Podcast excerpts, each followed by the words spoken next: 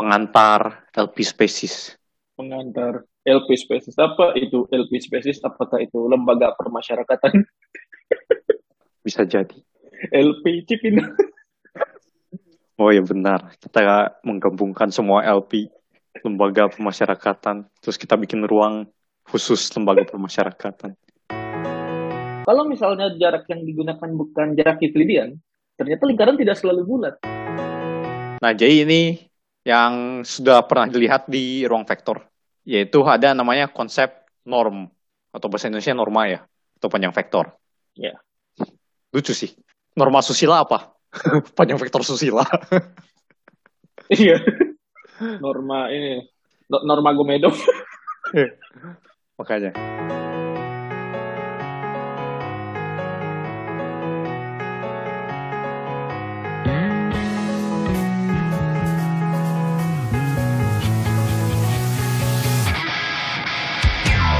Selamat datang di podcast Bebas Dunia. Di podcast ini kami membahas matematika dengan bebas namun masih berada di jalan dulu. Oke. Masih bersama saya Rizky dan partner saya Lawrence. Dan seperti biasa kita akan nanya-nanya kabar dulu dan update apa saja yang terjadi di dunia belakangan hari ini. Kalau misalnya mau langsung ke bahasan utama, bisa dilihat di timestamp di deskripsi. Ini hari ini gimana nih kabarnya nih Lawrence nih? Hmm, biasa saja. Biasa, sudah mulai terbiasa ya sama alur akademiknya. Ah, tergantung mata kuliah sih. Kalau sama analisis fungsional tetap tidak terbiasa sih. Per analisis fungsional, per, lu ngambil analisis fungsional juga ya? Ah, Sekarang nih. ya yang Ah. yang dosennya gua Ren minggu lalu. Oh, itu, itu, aku kira itu analisis kompleks. Oh, itu analisis Bukan, fungsional. Analisis fungsional, tapi di, yang dipelajari apa itu nih? Soalnya ini mungkin berkaitan nih dengan apa yang pengen kita bahas nih hari ini. Wow, beda jauh. Oh, Bab ya, pertama, eh, lu juga akan ambil analisis fungsional ya semester lalu. ya semester lalu ngambil analisis fungsional, betul. Bab pertama apa? Gua bab pertama ruang metrik dulu. Ruang metrik. Gua bab pertama teorema Hanbana. Hmm, ya deh. Jadi Sorry, ya, itu- itu gua you know lah ya. bentuk Hanbana itu tuh. Ya, you know lah ya. Makanya kenapa butuh dosen yang mumpuni untuk mengajar karena materinya udah langsung. Ya, bab pertama gak ada basa-basi. Apa itu eh, ruang bernorma? Apa itu ruang vektor topologi? Langsung ya. Wah, pertemuan pertama ini teorema Hanbana. Tapi tapi kalau gue penasaran sih ujung-ujungnya ke mana? Kalau gue tuh ujung-ujungnya tuh musim lalu, eh semester kemarin tuh ujung-ujungnya ke kayak penerapannya di dunia ini loh apa eh ODE gitu-gitu. Oh, eh kok EDE? Bukan PDE. Eh PDE PDE PDE PDE ya ya PDE PDE. Ini gak jelas sih. Jadi rujukan utamanya bukan rujukan utamanya lagi, rujukan satu-satunya karena dosennya emang beneran cuma pakai buku ini.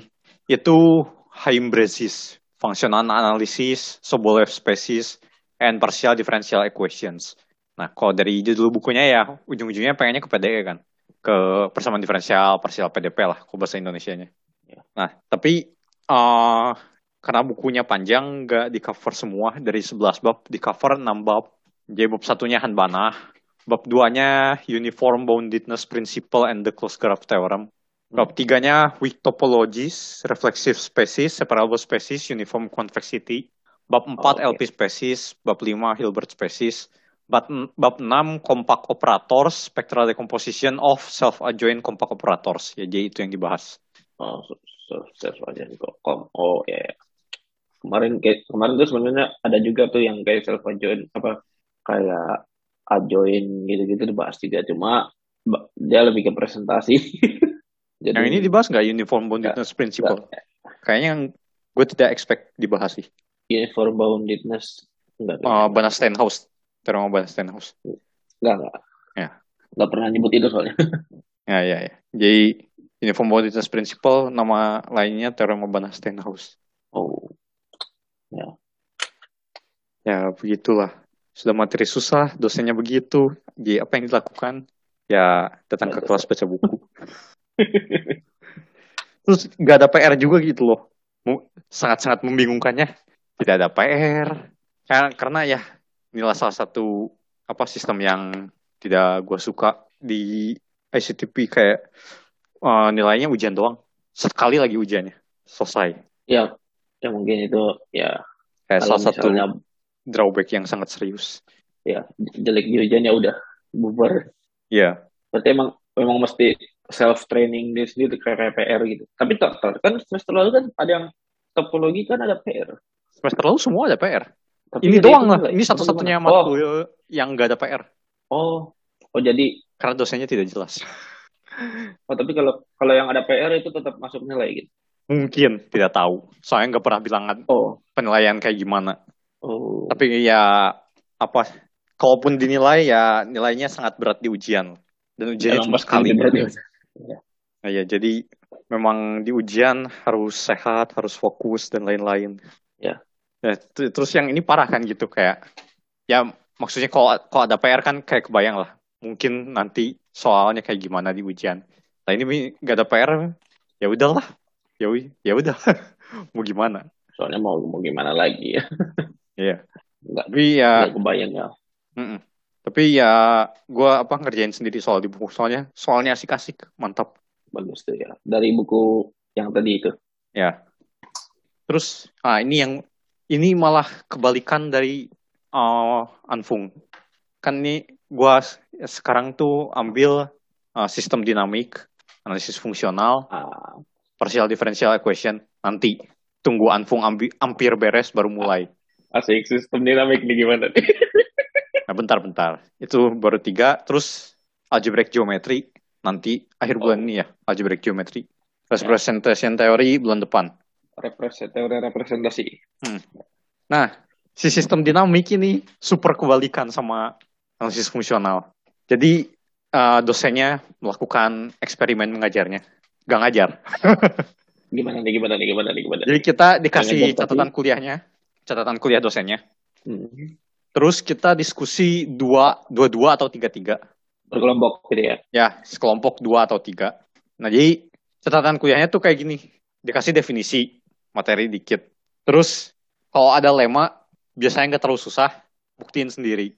Terus hmm. banyak banget exercise kecil-kecil gitu kayak ya definisi dikit, contoh dikit, exercise. Terus exercise-nya bagus gitu apa kayak natural gitu kayak misal eh, fungsinya fungsi affine gitu, ax plus b. affine itu ya linear in- extension of linear kan? Exercise-nya. Sketsakan grafik AX plus B dengan parameter AB-nya beragam. Nah, untuk AB mana saja? Ini injektif, surjektif, bijektif, uh, gradiennya apa, kapan ini motong diagonal, uh, bisakah dihitung uh, titik perpotongannya, untuk parameter Ah, mana iya, iya. saja? Ini grafiknya horizontal, untuk para- parameter mana saja grafiknya uh, sejajar sama diagonal. Nah, itu kan kayak natural kan pertanyaannya. Ya. Terus kayak yang udah mulai di dina- dinamiknya. Nah, forward orbit adalah bla bla bla. Nah, dikasih fungsinya masih affine. Tadi kan tadi AX plus B, terus dipilih A-nya satu. Sekarang tinjau cuma X plus B doang. Kalau dikasih X0, cari X1, X2, dan seterusnya sampai Xn. Eh, bi- apa yang bisa disimpulkan dari orbitnya? Apakah ini bergantung sama B, bergantung sama X0, dan lain-lain. Kayak Oh, gitu lah, kayak banyak, banyak apa? exercise kecil-kecilnya. X X0-nya ini terus X1 sama dengan X0 tambah B terus XG gitu ya apa Ya, ya. ah XN oh, adalah web iterasi dari F, eh, iterasi ke N dari F dari X0. ya ya ya Cop Cop web itu kan Apa? ya nama lainnya Cop web kalau nggak salah Popweb bukan, Popweb grafiknya kan. ya Cop web grafiknya iya Ya, itu juga diajari, udah diajarin. Ya, ini Popweb grafik grafiknya. Ya. Diajarin ini nggak? Liapunov berapa ya? Antara di antara dipelajarin atau di skip bentar, dicek dulu catatan kuliahnya. itu kayak apa buat misal ada lintasan terus dia lintasan apa ada persamaan diferensial terus cari lintasan. Lintasan ini titiknya konvergen apa konvergen? Titiknya titik stabil apa gak stabil kayak gitu kan. Berarti berarti lihat penuh di skip Oh, Kalau dulu kayaknya- dinamika kayak eh kayaknya beda nama kali ya. Pokoknya yang bab pertama bahas forward orbit, backward orbit, fixed and periodic points, invariant sets. Bab kayak dua ya, mungkin, bahas mungkin beda nama ya bab dua kali ya dibahas fixed point ada attracting fixed point, repelling fixed point, periodic points, Ah, limit sets, recurrence, transitivity, and mixing. Ah, Terus ini eh, catatan kuliahnya 23 bab, tapi kita tidak bahas semua. Jadi bahas bab 1, bab 2, bab 3, bab 5, bab 8, bab 13, Bab bab 13. 15. Oke, kan bab 21. Enggak, enggak. Kayak yang basic-basicnya aja.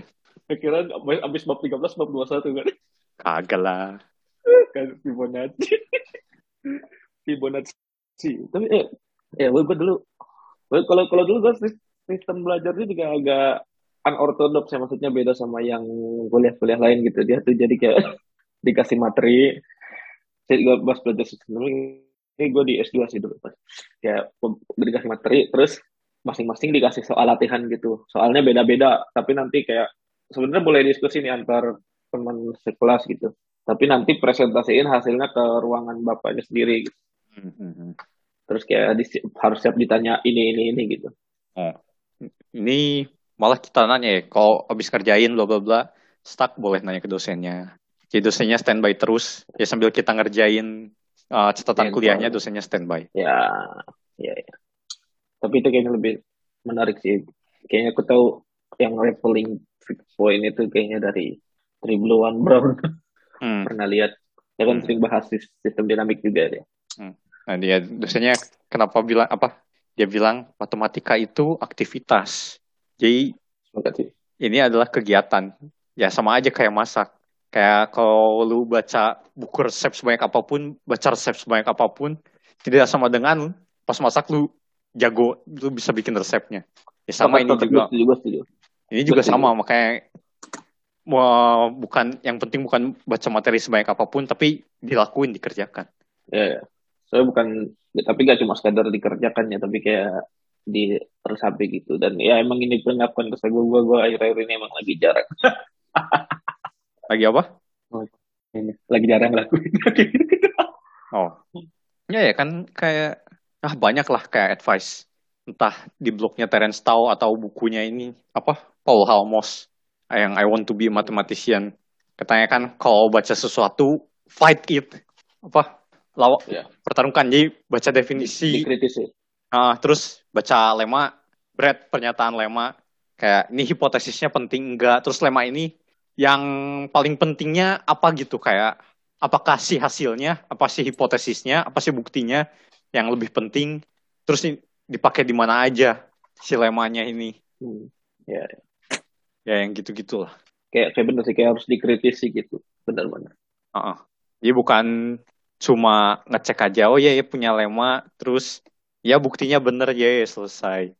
Ya. ya. ini. Masalahnya ya nggak tahu gue mungkin punya masalah sama dengan salah satu matkul yang saya ambil gitu. Jadi kayak kayak ngeliatin buku. Soalnya dosennya ngeliatin buku aja gitu.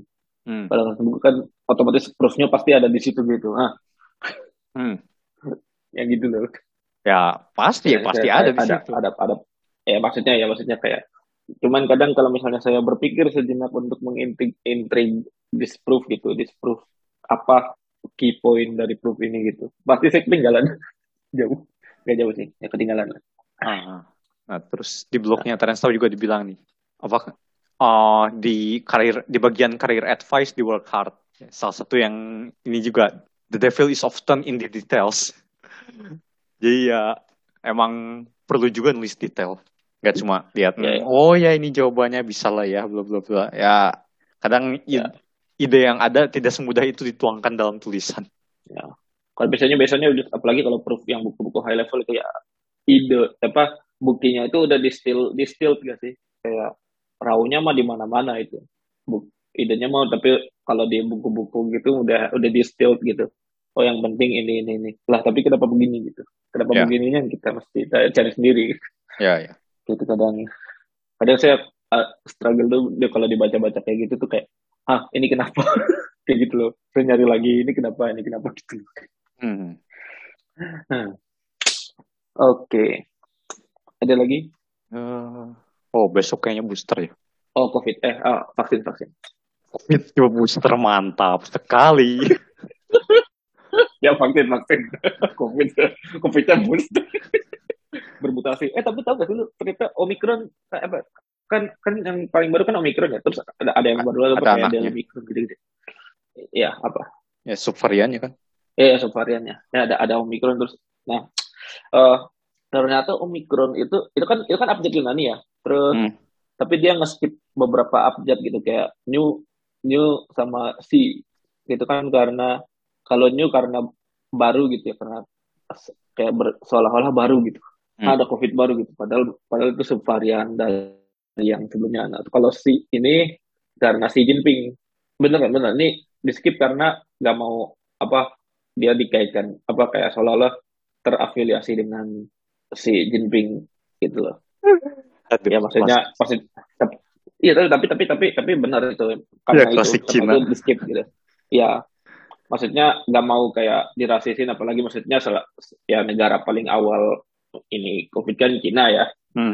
ya jadi mau supaya nggak ada kesan apa gitu Hmm. PR-nya jelek gitu ya Ya ya ya. jadi sama sama WHO di skip gitu nah Omicron ini lo tahu istilah Big O gak sih Big O Ya. di komputasi Ya. kayak kalau Big O N kuadrat itu berarti fungsi setara sama fungsi X kuadrat gitu nah itu Big O itu ternyata itu Omicron Oh. jadi Hmm. jadi sebenarnya Big Big Omicron hmm. nah terus kalau kan kalau huruf terakhir Yunani kan ada omega ya? Ya Omega. dan itu emang emang ber i- karena ada omikron ada omega jadi kayak ada o kecil o besar gitu. Nah jadi ya gitu. Kan kalau di komputasi ada big omik big omikron big omega big omega tuh kalau nggak salah dia yang lebih kecilnya apa ya? Sama big theta kan? Ya. ya kayak kayak gitu. Nah ternyata ya itu o- o- omikron itu ada artinya o kecil karena ada o besar nah tapi big omikron ini artinya o, o kecil yang besar gitu Hmm. hmm. Iya. Hmm. dan ya gak tau, ada ada yang bilang juga angka nol itu datangnya dari situ tapi ini agak diragukan juga sih Ya. angka nol dari dari omikron karena karena dia hurufnya benar-benar kayak nol kayak o gitu o nah kalau omega kalau omega gak tahu kan alfabet Yunani itu kan sebenarnya agak mirip sama ini ya ada ya ada yang mirip sama Latin gitu kayak a, a, Ya, ya, a- ya. a- alfabet agama kan A kayak gitu gitu dan Yunani itu dulu pakai alfabet agama juga buat nentuin bilangan gitu jadi belum mereka belum nemu nih satu dua tiga empat lima gitu Hmm. hmm. jadi mereka pakai alfabet agama buat bilangan juga, tapi gimana cara bedainnya? Mereka kasih tanda gitu, tandanya garis di atas itu artinya bilangan gitu. Kalau misalnya kan huruf Yunani mah alfabet agama juga dipakai di huruf kan, jadi buat ngebedain huruf sama angka dibedain gitu. Hmm. Ternyata gitu. Nah, terus gimana nih udah berarti harus tidur ya malam ini? Malam ini harus tidur. Tiap malam juga harus tidur. Wow, sungguh suatu Ya, maksudnya- pernyataan. Maksudnya harus harus harus ya ya harus tidur cepat. Eh, gue kok gak ada apa-apa sih biasanya tidur selalu 9 jam. Ya, ya gue gitu, gue gue tidur rata-rata 6 jam, 5 jam. Aduh, Tapi kalau kalau weekend gue bisa 15 10 jam gitu. Aduh kayaknya gue kebalik sih. Kalau mendekati weekend justru tidurnya bisa kurang karena bablas main pingpongnya sampai malam. Oh iya. Kita main pingpong kan. Gitu. Tiap hari Ya, ngapain dah tidur cuma 5 jam, 6 jam. Ya karena gue kayaknya bisa sampai jam 12 gue. Apakah belajar terus? Nggak sih nggak belajar terus.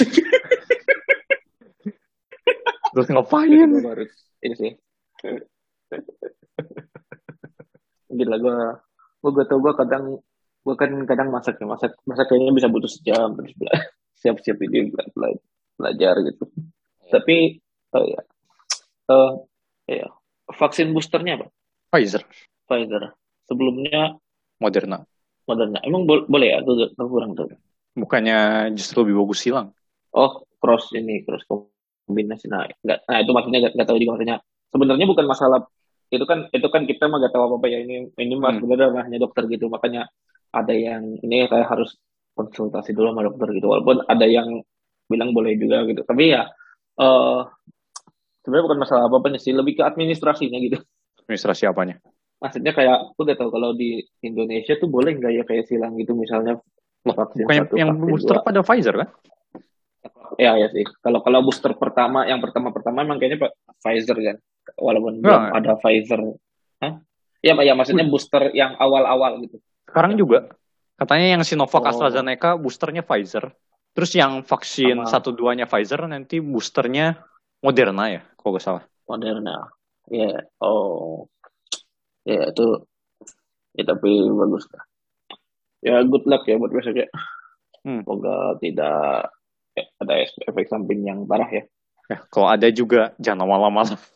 Itu Ya, ya. pertimbangan gue kenapa booster sekarang. Satu karena memang sudah diperbolehkan. Dua, mumpung belum ada ujian. Kalau ada efek samping belum ada Kalau ujian. ada kalau PR juga sih ya. Kalau ada Jadi efek samping deket-deket ujian kan, aduh.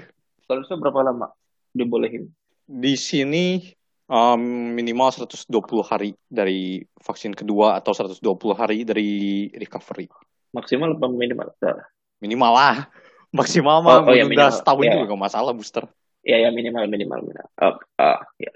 Nah, kalau di sini, nah ya aku belum belum cek lagi tapi tapi kayaknya aku harus udah dapat booster tuh sebelum bulan depan deh. Karena ujian? terakhir vaksin ke Sep- September. Hah? Sekarang ujian. Enggak enggak. Satu, satu karena ujian karena dan kedua karena ya gue dapat vaksin kedua tuh September. Hmm. Ini gak udah apa-apa sih kalau kan. juga. Ya sebenarnya kalau di sini kayaknya lebih ke administrasi menjadi kayak kayak Oh, kalau enam bulan harus udah dapat booster. Cuman kalau minimalnya aku belum ngeceknya apakah mas, misalnya sekarang udah bisa gitu. hmm. Kalau udah bisa ya. Nah soal soal gue ke mana-mana kan harus ada apa sertifikat vaksin terus ada, ada tes PCR gue tiap. Kalau lu tes PCR berapa kali seminggu? Berapa Nggak kali pernah. sebulan gitu? Oh nggak pernah. Udah pas datang ke sini doang PCR udah gak itu nggak pernah lagi. Habis itu nggak pernah lagi. Ya ya. Ya kalau gue di sini tiap minggu pasti PCR. Soalnya lu tinggal di luar Terus? kan. Kalau gua kan tinggal di sini juga. Oh karena lu ter- terisolasi ya lingkungannya ya. Ya, ya maksudnya itu ya menurut gue soalnya ya gue gue tinggal di luar dan kayak mau bahkan mau ke kampus aja mesti mesti PCR hmm. tujuh tujuh hari nah gue gue ada cerita lucu soal soal PCR kayak jadi PCR ini udah ibadah ya. iya udah udah mingguan tapi di sini di sini PCR, PCR sih ada yang gratis ada yang gratis yang itu dia semua pekerja tuh kalau kalau pekerja ke situ semua gitu Oh. itu ada yang bayar juga gitu. Tapi tapi untungnya maksudnya di sini karena kebijakannya begitu, karena kebijakannya wajib PCR kalau misalnya mau masuk ke mana-mana gitu, mau masuk ruko, mau masuk mana gitu. Ya disediain lah banyak, lumayan banyak gitu. Kayaknya tempat PCR gratis di sini. Hmm. Nah. yang penting Mbak- itu selain gratis manusiawi juga nyoloknya. Emang yang yang nggak manusiawi gimana nih? Nah, gue sebelum ke sini kan mesti di PCR ya di Vanuatu. Iya. Terus dicolok kan dalam banget ini nyolok hidungnya sama di, mu- di mulutnya. Pulang-pulang gue buang ludah keluar darah. Ya, Lah, dalam banget nyoloknya. Wah itu itu jelek sih itu. itu, itu kalau, kalau itu kayaknya jelek sih. Cuman bukannya harus tahu gua harus agak dalam ya maksudnya kayak Ya, di sini juga agak dalam tapi manusiawi gitu gitu. Kayak pelan-pelan, iya sih. jadinya nggak nggak- nggak terlalu sakit loh. Itu sampai keluar darah pas buang Ya. ludah gimana ceritanya coba. Nah, itu terlalu dalam kali. Iya. kayak itu itu itu itu itu kalau itu ya gue gue kayaknya selama di sini PCR yang gak pernah yang gimana gimana sih paling ya paling yang nangis ah, udah sampai nangis ya perih aja gitu. Pas keluar tapi ya udah. Hmm. tapi itu cerita lucu pas PCR. Karena berkaitan dengan PCR nih. Eh lo tahu Piala Dunia antar klub gak? Wow, sangat berkaitan. Nggak, ya ini karena ini kan diselenggaranya di sini loh. Di Abu Dhabi. Seriusan Oh, ah, terus? Iya, serius Bang. Terus ceritanya gue, oh gue gue dapet tiket Chelsea nih, ti- tiket yang nonton Chelsea Rabu besok. Hmm. Nah ceritanya gue beli lagi sebenarnya ada lagi gue nonton, gue pengen nonton justru yang peringkat tujuh, Hmm. yang yang kualifikasi awal tuh. Gue gak tahu hasilnya berapa ya. Ini tim-tim lokal, Al Jazeera FC lawan AS Pirae dari Tahiti. Nah, Hmm. itu tuh gue gue udah beli tiketnya. ya. Lumayan murah kok. Kayaknya sekali harga sekali makan di sini. wow, lumayan murah. Kalau beli di officialnya lumayan murah. Nah, terus gue lupa di situ tuh ada keterangannya harus PCR maksimal dua hari. Ya. Terus gue pas hari H ntar gue kayaknya ada yang ketinggalan nih gue apa ya? Oh iya gue belum bis Terus jadinya gimana? gue ikhlasin aja Eh keluar hasilnya emang berapa lama? ya kalau PCR biasanya di sini sehari sih. Oh, oke. Jadi kalau dulu Di sini. ya Pas. di tempat Pas terakhir PCR berapa hari? Dua atau tiga hari lah. Ah, di sini administrasinya lelet. oh iya Semua lelet. biasanya kalau mau Kayak- cepet mesti bayar ya Kalau mau cepet mesti bayar nggak juga, bayar juga tetap lelet sih. Iya sih Di sini memang administrasinya super lelet. Kayak di sini kan ada green pass ya, habis vaksin. ya Sampai sekarang belum dapat green pass dong wow dari vaksin yang terakhir. Kayak lol. ya ya berarti berarti karena gue besok mau nonton yang Chelsea di Rabu.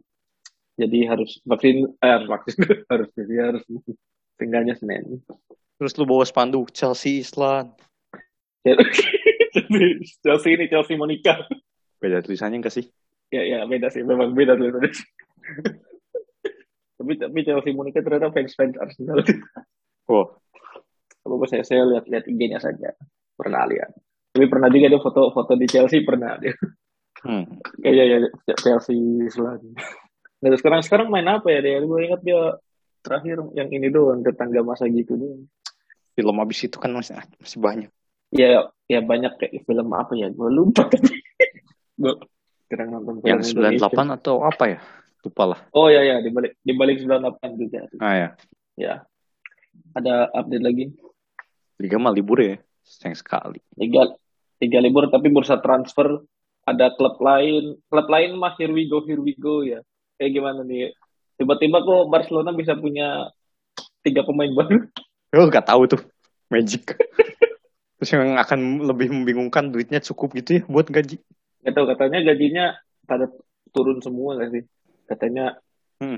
rela potong gaji demi bisa Barcelona gitu Tapi ada satu yang sangat disayangkan. Apa? Kenapa Dembele gak kejual? sebenarnya iya sebenarnya masalahnya itu kayak Eh, aduh. Terus, eh, lu pernah lihat nggak beritanya? Kan Dembele emang udah gak mau lanjut kontrak ya. Terus Iya. dibilangnya, ya saya levelnya masih sangat internasional. Hmm, gajinya sih iya. Nah, sekarang terbukti. gajinya Saking internasionalnya nggak ada yang mau kan? Karena gajinya sangat internasional. Ya, iya. Tapi sebenarnya nggak tahu ya, Dembele itu kayaknya jelek gara-gara ini aja nggak sih? Kayaknya gara-gara sering cedera gitu. Ya Apa emang nggak sih? Ya, iya. nggak nggak apa sih. Itu jelek berarti badannya. Ya, mungkin. Keseringan cederanya maksudnya nggak bukan ini lawan kan, bukan di tackle bukan apa kayak cedera kayak aduh tidak baik menjaga tubuhnya. Cuman kadang ya nggak tahu juga sih. Maksudnya kayak pas kalau lagi sehat-sehatnya bagus gitu. Hmm, Kecuali pas lawan Liverpool itu itu menit terakhir leg pertama udah unggul 3-0. sudah mau 4-0. Si Dembele ini apa ngecip bola gitu. Ya itu sih gara-gara gara-gara males ini apa? Males latihan kan. Ya, emang Mung- Mungkin ya. pasti sih bukan mungkin. Oh, Karena iya, iya, kayaknya pernah, pernah. kan ya kayak yang Sintayong bilang kan ya atlet apa pun mesti bodybuilding kan ya biar apa lebih tidak mudah cedera ya itu Ya. kebanyakan cederanya karena males latihan Ada yang yang ada ceritanya apa yang main PS sampai pagi gak sih? Pernah denger gak? sih? ada juga ha. Iya. Tapi sebenarnya dari dari bursa transfer yang klub lain klub lain here we go. Kenapa klub yang satu itu Hmm? pemainnya malah ditangkap polisi? itu ngakak sih Aduh. sudah masuk prison FC Iya malah Oh, OTW Prison FC. Prison FC. Prison FC bikin derby Manchester kan ada Benjamin Mendy sama Mason Greenwood. kayak gimana ya kayak itu tuh juga kayak kayak sayang bakat aja gitu sayang bakat tapi ya kelakuan di luar lapangannya nggak bisa ditoleransi sih itu gitu loh Hmm. terus gue gak tau ini kayak kenapa nggak tapi beberapa hasil hari setelahnya ada ini. Tahu nggak? Ada ceramah yang bilang bahwa jadi gini ceramahnya kayak ceramah ibu pengajian ibu ibu gitu itu ya ada suami istri suaminya suka mukul istri. Ah. terus suka mukul is- suka mukul istri terus sampai istrinya nangis lalu tiba-tiba orang tuanya datang. Lalu pas ditanya orang tuanya kamu kenapa nangis? Istrinya bilang aku berdoa aku berdoa sama Allah aku rindu sama kedua orang tua gue eh ternyata langsung dikabulin. Orang tua gue langsung datang gitu. Terus katanya kata si penceramahnya oh, kalau kayak gini suami hati suaminya nih bakal terenyuh gitu. Padahal kalau menurut dia istrinya bisa aja ngadu gitu. Kayak seolah-olah menormalisasi KDRT gitu. Hmm, gue coba aku cuma lihat headline-nya di Line Today doang. nah nah ya itu. Nah ya itu ceramahnya Presiden Adewina terus ada yang mengkaitkannya. Nah ini ini adalah telur istri yang cocok buat Mason Greenwood tapi yang gue bingung dari si Greenwood itu loh kasusnya kan lu tau yang ini nggak sih kayak komentar bapaknya gitu katanya bapak bapak pacarnya Greenwood ini katanya HP-nya kehack gitu-gitu. Yang apa? yang komentar bapaknya bapaknya pacarnya Greenwood. Hmm? kayak apa kehack gitu ininya apa katanya HP anaknya kehack gitu HP pacarnya Greenwood kehack dan dia gak sebenarnya gak mau itu keluar gitu. Tahu. ya itu itu itu sempat ada juga gitu beritanya gitu. Kayak bapaknya bilang gitu kayak kayak, katanya HP anaknya kehack gitu. Terus ini terus gue jadi bingung bentar ini kan anak anak gua dipukulin sama ada beredar rumor gitu anak gua dipukulin sama pacarnya gitu kayak kayak gua- kok kok dia malah belain si yang mukul gitu makanya gue bingung ya something fish ini ya, tapi gitu lah kita ya ber- bersimpati dengan korbannya dan tidak membenarkan kekerasan dalam bentuk apa pun. Saya membenarkan kekerasan di lapangan. Oke, Sliding. Paling di kartu. ya seenggaknya kalau kalau itu kan profesionalitas dong, profesionalitas kalau kekerasan di lapangan. Tinju juga kekerasan di lapangan.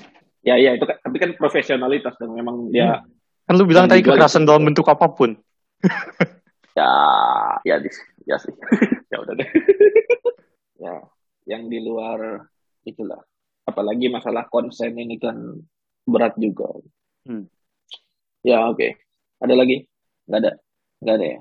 Oke, kita langsung masuk ke bahasan utama.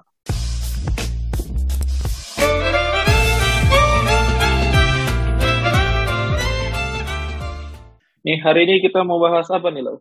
Hari ini kita bahas apa ya?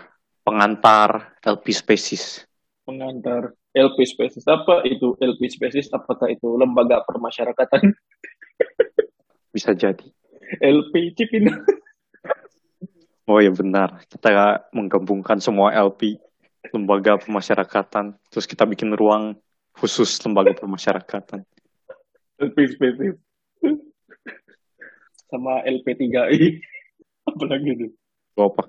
L- LP3I gak tahu ini Enggak. apa kampus-kampus Kok kampus dari kampus LP3I kampus apa kayak ka- ka- kayak BSI tahu nggak? Oh. ada tuh LP3I Ya, jadi ini sebenarnya lebih ke analisis fungsional ya Oh enggak dong. Hah? Bab satu analisis fungsional Hanbana. Analisis fungsional mana analisis fungsional setidaknya analisis fungsional saya deh yang saya pelajari nah analisis fungsional ya. jadi Oh enggak dong. Sebelum bener, masuk ke- bener, bener. Ini nggak bahas analisis fungsional. Karena kita nggak bahas fungsional. Oh iya betul. Karena fungsional ada lagi definisinya betul-betul. Eh, Fungsional adalah fungsi yang memetakan fungsi kebilangan real. Hmm. Iya. iya. Tapi ini baru pengantar saja memang. Kalau di ITB itu bahas gini ya sih? Bahas ini kan? Bahas apa? Apa? Bahas yang akan kita bahas hari ini. Di analisis fungsional, ya. Ya, itu berarti memang itu di bagian awal-awal kan? Ya awal-awal. Ya, sama aja kayak apa eh, topologi tapi awal-awal masih bahas simpunan ya bukan topologi belum belum ke topologi Belum topologi, ya, ya. Tapi kita pertama-tama akan membahas tentang ruang metrik terlebih dahulu. eh apa ini sebenarnya kalau misalnya kalian yang sudah pernah belajar eh, aljabar linear ya setidaknya ya ada yang namanya ruang vektor seperti Rn dan Cn. Nah, eh, ruang metrik ini bisa dibilang salah satu salah satu perumumannya ya. Eh kayaknya lebih dari topologi ke- deh ya ya lebih dari apa topologi. Dibanding dari dibanding dari ruang vektor lebih munculnya dari ruang topologi. Ya bisa aja ada ruang Oh. metrik yang bukan ruang vektor. Ya memang memang. Makanya makanya ini aku bilang ah, memang ruang metrik yang bukan ruang vektor. Makanya karena karena ruang vektor kan Tapi arise-nya ruang bukan dari ruang nih. vektor. oh arrays-nya bukan oh, oke oke oke. Tapi ini yang dipelajari pertama biasanya ruang metrik dulu. Kalau ruang vektor ya karena sudah dipelajari di analisis eh, analisis di aljabar linear dan kawan-kawan. Ya. Hmm. Jadi apa ruang metrik ya kalau misalnya di R2 atau R3 kita tahu ada konsep jarak jarak Hmm. dari satu titik ke titik lain eh, di R2 atau R3 itu adalah garis lurus. Hmm. Nah, nah jarak ini kan adalah berarti panjang garis lurus terdekat yang menghubungkan antara dua titik. Ya kita bisa mencari jarak antara dua buah titik di ruang R2 atau R3. Ini dengan rumus Pythagoras. Nah, jarak seperti ini disebut juga jarak Euclidean ya, Euclidean distance. Hmm. Nah, kita mencoba memperumum konsep jarak ini. Jadi jarak kalau tadi kan jarak kan kalau tadi kan itu kan salah salah satu fungsi yang memetakan dua buah titik ke bilangan real, yakni jarak dua buah titik itu. Jadi konsep jarak Euclidean ini bisa diperumum menjadi fungsi yang menggambarkan jarak antara dua buah objek. Nah, objeknya kalau tadi di ruang vektor ya berupa titik atau berupa vektor, ya ini bisa, bisa objeknya bisa berupa apa pun, bisa berupa vektor atau fungsi atau array, ya array vektor juga sih, atau lainnya. Atau buah, Jadi gimana? Atau apa? buah juga bisa. Bisa, bisa, bisa. Soalnya ya nanti bisa dilihat kalau bawa himpunan apa pun kita bisa kasih metrik biar jadi ruang metrik. Betul, betul. Nanti ada. Hmm. Bahkan buah, nggak cuma buah, kayaknya sih bisa ini apa, shock breaker juga bisa ya. Bisa dong. Kenapa tidak? Shock breaker, bed pingpong mungkin, himpunan yang isinya bed pingpong, meja pingpong sama bola pingpong mungkin bisa kali. Bisa. Tapi apa nih jarak ini apa nih sebenarnya? Nah ya. Jadi jarak ini adalah fungsi yang memetakan dua buah objek di suatu himpunan ke bilangan real. Nah, jadi biasanya notasinya itu dxy. Terus kalau apa notasi fungsinya biasanya d, domainnya adalah kalau misalnya si ruangnya adalah capital X gitu, x kali x Cartesian product ke r ke real. Nah, terus eh dxy ini sebenarnya lebih dari hanya sekedar bernilai real. Jadi nilainya sebenarnya non negatif. Ya namanya juga jarak masa negatif. Nanti kayak luas tanah lagi lagi. Pemerintah Iya, loh, karena negatif.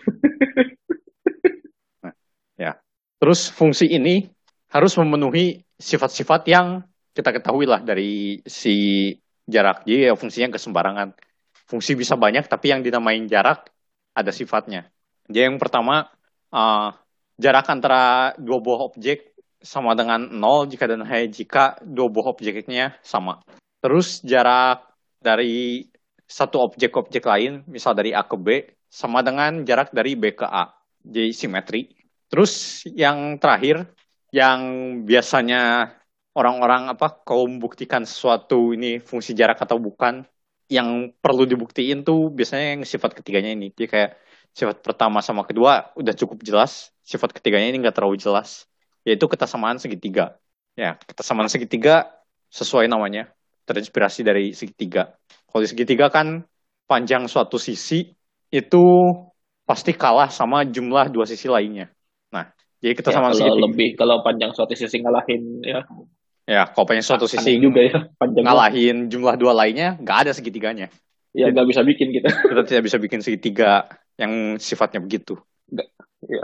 Nah, tap- tapi kalau di ketersamaan segitiga yang ini, kayak segitiganya boleh datar, boleh segaris, boleh cuma satu garis. Ya artinya Ya. jarak dari A ke C itu lebih kecil atau sama dengan jarak dari A ke B ditambah jarak dari B ke C. Ya, Jadi kesamaannya boleh boleh boleh boleh aja terpenuhi. Tapi kan kalau segitiga, kalau kesamaan terpenuhi, jadinya satu garis doang kan, bukan beneran yang segitiga. Nah, biasanya kalau di buku-buku ada syarat keempatnya kan, kayak jarak dari A ke B karena namanya juga fungsi jarak ya pasti Hmm. logikanya dia akan selalu positif atau non negatif lah non negatif bisa nol kan tadi yang dari yang pertama nah cuman ternyata sifat kepositifan jarak dari A ke B ini ya bisa diturunkan dari tiga sifat tadi Iya. nah ini bisa buat latihan ya Ya, latihan untuk pendengar. latihan untuk mendengar Pendengar juga harus bermatematika. Sudah sudah mulai kayak buku-buku spring break gitu ya. Wah, tapi gampang kok yang ini kan. ya ini bisa bisa bisa nah terus aku pernah nyoba juga kalau sifat yang lainnya dihilangkan ada nggak yang memenuhi tiga sifat lainnya maksudnya apakah ada sifat lainnya yang Implikasi kayak gitu juga dari gitu tiga sifat lainnya. ya ternyata enggak Hmm, hmm. jadi tiga, tiga ini harus ada dulu Hmm. nah nah lalu kalau misalnya kita punya himpunan yang dilengkapi fungsi seperti ini nah maka himpunan tersebut disebut ruang metrik Hmm. kayak biasanya notasinya buka kurung x, d gitu atau x, dx gitu Ya, d dx-nya bisa d d subscript x ya. Ya itu kalau misalnya apa kita perlu tahu spesifik D-nya ya. Kalau kayak jarak Euclidean ya udah R aja. Ya. Nah, terus ya contoh yang kita ketahui sudah umum yaitu bilangan real dengan si jaraknya adalah fungsi mutlak yaitu D x, y. Jadi jarak dari x ke y itu adalah mutlak x min y. Atau kalau misalnya mau dari uh, bukan dari bilangan real ke real tapi bilangan kompleks ke real ya notasinya sama aja dx sama dengan mutlak x min y cuma di kompleks bisa disebutnya modulus ya si ya, modulus itu berarti ininya ya kalau misalnya bentuknya adalah a plus bi dia Ah. berarti A, modulus itu adalah akar a kuadrat tambah b kuadrat kuadrat, ini ya. jarak Euclidean juga memang Ya.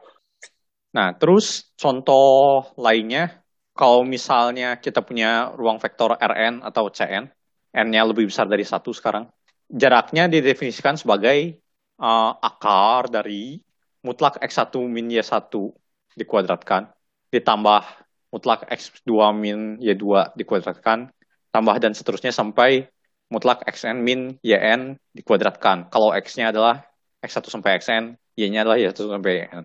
Ya. ya. Nah, ya kalau di n-nya sama dengan satu ya balik ke awal kan. x1 min y1 dikuadratkan terus diakarin. Ya balik mutlak x min y. Ya. Nah, terus uh, lebih umum lagi dan yang akan nanti kita bahas, si duanya ini bisa diganti dengan bilangan yang lebih besar atau sama dengan satu bilangan apa pun. Jadi tadi kan mutlak x min x1 min y1 kuadrat, jadi bisa diganti mutlak x1 min y1 pangkat 3 gitu. Terus akar akarnya juga diganti bukan jadi akar doang, akar pangkat 3. ya Nah, Ya. tapi kalau kita ganti si duanya ini sama bilangan yang tetap positif tapi kurang dari satu, ini tidak bisa. Nah, kenapa? Kita bahas nanti di menuju akhir. nah ya di akhir-akhir kita bahas Ya, ini tapi bukan bahkan sebenarnya ya tapi sebenarnya bahkan tahingga juga bisa masuk ke situ jadi bahkan bisa pangkat tahingga akar tahingga tapi interpretasinya bukan kayak gitu jadi kayak x1 x1 min 1 pangkat n ditambah x2 min 2 pang, min 2 pangkat n dan terus atau pangkat n -nya. dan kalau tadi kan n kan rn ya, ya pangkat pang, pangkat k ya pangkat ya. K, terus diakarin diakarin eh di diakarin K jadi dipangkatin seper K lagi jumlahan semuanya itu nanti dilimitin K-nya menuju tahingga.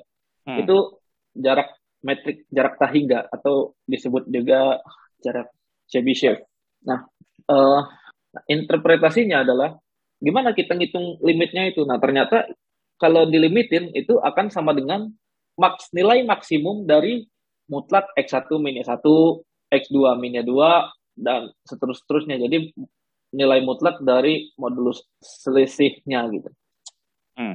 nah itu nah itu juga bisa dibuktikan nah ini baru latihan Nah, ini benar latihan. oh ya, terus yang tadi dua kan dibilangnya bisa diganti bilangan apa pun yang lebih besar sama dengan satu ya. Terus tadi contohnya tiga, sebenarnya mau diganti sama bilangan real juga gak masalah. Kayak pi gitu. Mutlak x1 min 1 pangkat pi. Terus akar kan pangkat setengah ya. Itu diganti pangkat pangkat seperpi gak masalah. iya bisa bisa oh ya iya Ya. bisa bisa bisa Bisa. Cuman mungkin nanti interpretasinya itu kan jadi kalau pangkat bilangan real kan E pangkat lon ya. Ya, eh, ya E pangkat dan pilon X gitu. dan sebenarnya pengetahuannya kita nggak butuh juga sih yang di pangkat apa pangkat bukan bilangan bulat. Jadi pengetahuan di pangkat bilangan bulat udah lumayan bantu. Biasanya bukan apa pengetahuan di satu nilai khusus doang, biasanya di range. Kayak notasinya biasanya P-nya antara berapa sampai berapa. Dari konsep jarak yang diperumum tadi, kita bisa definisikan lingkaran atau bola. Yaitu kalau lingkaran di R, R2 kan ya kumpulan titik yang jaraknya sama atau jarak sama ini jaraknya bisa disebut jari-jari ya. Hmm. Ke suatu titik tertentu atau titik pusat. Jadi kalau misalkan kita punya pusatnya P, jari-jarinya R, eh, maka lingkaran adalah titik-titik X yang memenuhi D dari jarak dari X ke P sama dengan R gitu. Sayang ya, P sama R. Coba P sama A. Kita punya pusat P, jari-jarinya A. Apa yang kita punya? PPAP. PPAP. PPAP itu itu yang apa? Yang kalau misalnya A ini misalnya saya punya matriks Hmm. P ini ini apa pendiagonal. Oh, Jadi kita sebut P-nya diagonal, P, P aksen diagonal, P, P, A, P. ya itu. Sayang sekali tidak PPAP ya. PAP inverse. Iya. P, P inverse. Coba PPAP. Wah, mantap. Iya. Nah, pada tadi kita udah meninjau kan tadi misalnya kita di R2 nih, di R2 ya X min A, Y min B gitu. Nah, X min A kuadrat ditambah Y min B kuadrat sama dengan R kuadrat gitu kan. Nah, eh, kalau misalnya itu kan kalau itu kan pakai jarak Euclidean ya, karena pangkatnya dua, pangkatnya dua, pangkatnya dua, dua terus R R kuadrat kan. Nah, kalau misalnya jarak yang digunakan bukan jarak Euclidean, ternyata lingkaran tidak selalu bulat. DNA. Gimana nih? Jadi bentuknya tidak DNA juga sih. Ya gak ada enak juga sih. Sayang sekali. Padahal, D- padahal DNA lebih gampang dari bulat. Oh iya, oh benar. Oh Patrick ya itu ya. Bentuk Hmm. DNA. DNA lebih gampang dari bulat. segitiga bisa, segitiga Iya. DNA. Jadi Ya. contohnya di R2 di bidang. Kalau kita pakai jaraknya, tadi kan X1 min 1 kuadrat, plus X2 min 2 kuadrat, terus diakarin. Sekarang nggak ada itu. Jadi cuma mutlak X1 min 1 tambah mutlak X2 min 2. Jadi itu jaraknya. Nah, bentuk lingkarannya, kalau kita gambar, ini jadi kotak persegi. Dengan titik sudutnya adalah 0,1, 0,1. Ya, berarti di sumbu Y itu 1. Terus di sumbu Y min 1, 0, min 1 itu. Terus 1,0, berarti di sumbu X itu 1. Sama min 1,0. Nah, terus itu dibikin persegi. Jadi Ya, perseginya Jadi oh ya, miring 45 derajat. ya ini ini asumsinya pusatnya di nol, Nah, ini pusatnya di nol dan jari-jarinya satu. ya, kalau pusatnya di tempat lain ya tinggal geser si bentuknya pusatnya di tempat lain. Terus jari-jarinya berapa ya tinggal gambarnya di zoom in zoom out sesuai jari-jarinya. Kalau ini tadi asumsinya pusatnya di nol nol dan jari-jarinya satu. Jadi bentuknya kan mutlak X tambah mutlak Y sama dengan satu kan gitu kan. Hmm. Nah, itu kalau Ya, digambar di empat grafik kasus kan. kayak gitu. Ya. Ya. Di kuadran satu, dua, tiga, empat. Kasus ini disebut juga taxicab metric atau Manhattan metric. Di mana titik-titik di diagram Cartesian seolah-olah adalah titik di kompleks gedung-gedung perkotaan yang harus ditempuh lewat jalan raya yang bentuknya grid horizontal vertikal. Ya, jadi ini ja- jalanan su- super ideal gitu ya. Kayak gedung-gedungnya ditata demikian sehingga jalannya kalau gak lurus, kalau gak horizontal ya vertikal. Jadi mau lewat mana aja, kalau naik taksi harganya sama. Iya. Asal dia lewat yang terkecil. Kan kadang gue suka kalau naik taksi, kadang suka diputerin dulu ke. Oh iya. Nah ya, maksudnya gitu kayak jarak jarak dari satu titik ke titik lain kan banyak gitu ya. Nah ini Ya. kayak mau lu, mau lurus dulu terus belok kanan atau mau belok kanan dulu baru lurus, harga taksinya sama aja. Ya. Nah, lalu eh, misal contoh lainnya untuk P-nya Tahingga atau tadi jarak Chebyshev ya disebutnya. Nah, ini lingkaran di sini kan berarti bentuknya maksimum X, maksimum mutlak X dan mutlak Y sama dengan satu ya. Hmm. Berarti dia adalah semua semua titik yang elemen yang semua titik X Y yang ada di X ada X-nya satu atau plus minus satu atau Y-nya plus minus satu kan, ya kan? Hmm. Ya, dia bentuknya kotak juga tapi datar dia. Jadi kayak di satu dan min satu plus minus satu dan plus minus satu gitu. X-nya plus minus satu, Y-nya plus minus satu. Titik sulitnya di situ. Nah, ya, lalu ada juga ya kalau kalau misalnya bentuk P-nya apa P-nya diganti lagi, P-nya lagi bukan P-nya apa, uh, pangkatnya diganti, uh, ya itu nanti bentuknya beda lagi tuh. Ad, nanti bisa dilihat evolusinya ya. Kayak kalau tadi kan yang satu kan dia diamond gitu ya bentuknya kotak piring kan terus nanti semakin mendekati dua semakin membulat gitu nah nanti kalau lebih besar dari dua pangkatnya dibikin lebih besar dari dua dan jadi bolanya mengembang gitu. Jadi kayak mendekati kotak. Ya itu itu bisa bisa dibikin animasinya. Nah lalu tadi setelah kita punya lingkaran ya kita selain punya lingkaran kita juga bisa definisikan bola buka jadi kalau tadi kan sama dengan ya jarak jaraknya sama dengan jari-jari gitu. Kalau ini lebih kecil, jadi tandanya jadi lebih kecil dari gitu. Jadi D, X, P lebih kecil dari R. Nah, ini nanti ya kita bisa punya sesuatu yang sama kayak di topologi, kayak apa, himpunan buka gitu. Himpunan buka, himpunan tutup, lalu ada closure gitu-gitu. Nah, selain tadi kan kita masih bahas RN ya, RN, RN dengan berbagai macam metrik yang dia punya. Selain itu ada juga nih contoh ruang metrik lainnya nih, yang lainnya apa nih? Nah, tadi kan udah dibilang setiap himpunan kita bisa kasih metrik sehingga dia jadi ruang metrik. Nah, jadi metrik yang kita kasih ya metrik yang berlaku buat semua himpunan. Namanya metrik trivial. Ya, atau ada juga yang bilang metrik diskrit. Gimana cara bikinnya? Gampang. Jadi jarak antara dua titik nol kayak tadi lah syarat yang pertama jika dan hanya jika uh, dua titiknya sama kan. Jadi dx sama nol jika dan hanya jika x sama dengan y. Nah, kalau x-nya tidak sama dengan y, jaraknya satu. Nah, ya. kita cek nih sifat-sifatnya. Jadi kan yang pertama jelas. Terus jarak dari A ke B sama dengan dari B ke A jelas juga. Terus ya. kesamaan segitiga. Ya, jarak antara dua titik, kalau titiknya sama, nol ya. Kurang dari sama dengan ya. jarak kalau kita lewat titik ketiga. Ya, kalau lewat titik ketiga, berarti masing-masing jaraknya satu, dua. Berarti benar kan, nol kurang dari sama dengan dua. Atau kalau ja, kalau titiknya beda, berarti kayak jarak dari A ke B sama dengan satu. Terus jarak dari A ke C tambah jarak dari B ke C. Ini kan kalau A-nya sama C 0, terus B-nya pasti beda sama C kan. Jadi satu ya, juga. Pasti beda. Terus kalau B-nya sama C, A sama C-nya beda. Berarti penjumlahannya satu. Apalagi kalau A, B, C tiga-tiga apa ini beda semua gitu, pairwise beda itu J2. Jadi kesamaan segitiganya juga terpenuhi. Ya, betul.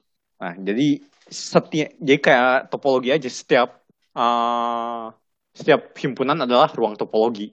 Salah satunya adalah metrik uh, topologi diskrit kan, topologi diskrit sama topologi trivial. Nah, topologi diskrit ini kita bisa kasih itu berasal dari metrik diskrit. Oh, ya. Nah, terus contoh lain yang pernah ditemukan satu kalau ada yang ngambil kuliah teori coding, kedua di seleksi IMC tahun kita. dua kali muncul lagi. Nah, karena lu seleksi IMC-nya dua kali ya. Iya. hmm. Jadi berturut-turut lagi lebih tepatnya. dua tahun berturut-turut. Yeah. Itu namanya uh, Hamming distance, jarak Hamming. Jadi dinamakan sesuai nama penemu atau pencetusnya. Nih, kita mendefinisikan jarak pada dua buah barisan atau array atau string yang punya banyak elemen sama. Jadi ya stringnya ya bisa kayak RN gitu. Nah tapi uh, kalau di teori coding biasanya bukan RN, jadi uh, biasanya lapangan hingga pangkat n ya, ruang vektor atas lapangan hingga. Ya, ya. Ya. Nah, atau bahkan sebenarnya secara umum aja kayak huruf juga bisa gitu. Huruf juga bisa ya. Cuma yang di teori coding kan yang dibahasnya itu ya. Ya. Ya. Nah, jadi jarak ini didefinisikan sebagai banyaknya elemen berbeda di antara kedua string. Jadi kayak punya satu string A1, A2 sampai AN, yang kedua B1, B2 sampai BN. Terus dicek banyak elemennya yang beda ada berapa banyak. Nah, jarak ini digunakan untuk uh, error correction. Ya. Nah, Gue juga curiga nih jarak ini digunakan juga di ini tuh. Turnitin. Apa? Turnitin tuh nggak cek plagiarism gitu. Oh ya, ya, bisa jadi. Bisa kan? Kan dia membandingkan dua buah teks gitu. Atau kalau nggak ini apa? Copyright detection nggak sih kalau misalnya Ya. lagu di apa video di YouTube kena copyright itu kayaknya pakai itu juga. Eh eh terus nah ini kan kalau tadi kan banyak elemennya sama ya. Kalau misalnya banyak elemennya tak hingga, ini lu setuju jadi metrik gak? Kalau banyak elemennya hingga ya enggak lah. Karena ya karena ininya bisa kan apa? Karena Karena berarti nggak kan nggak apa? nggak ke R. Ah, pemetaannya kan ke real.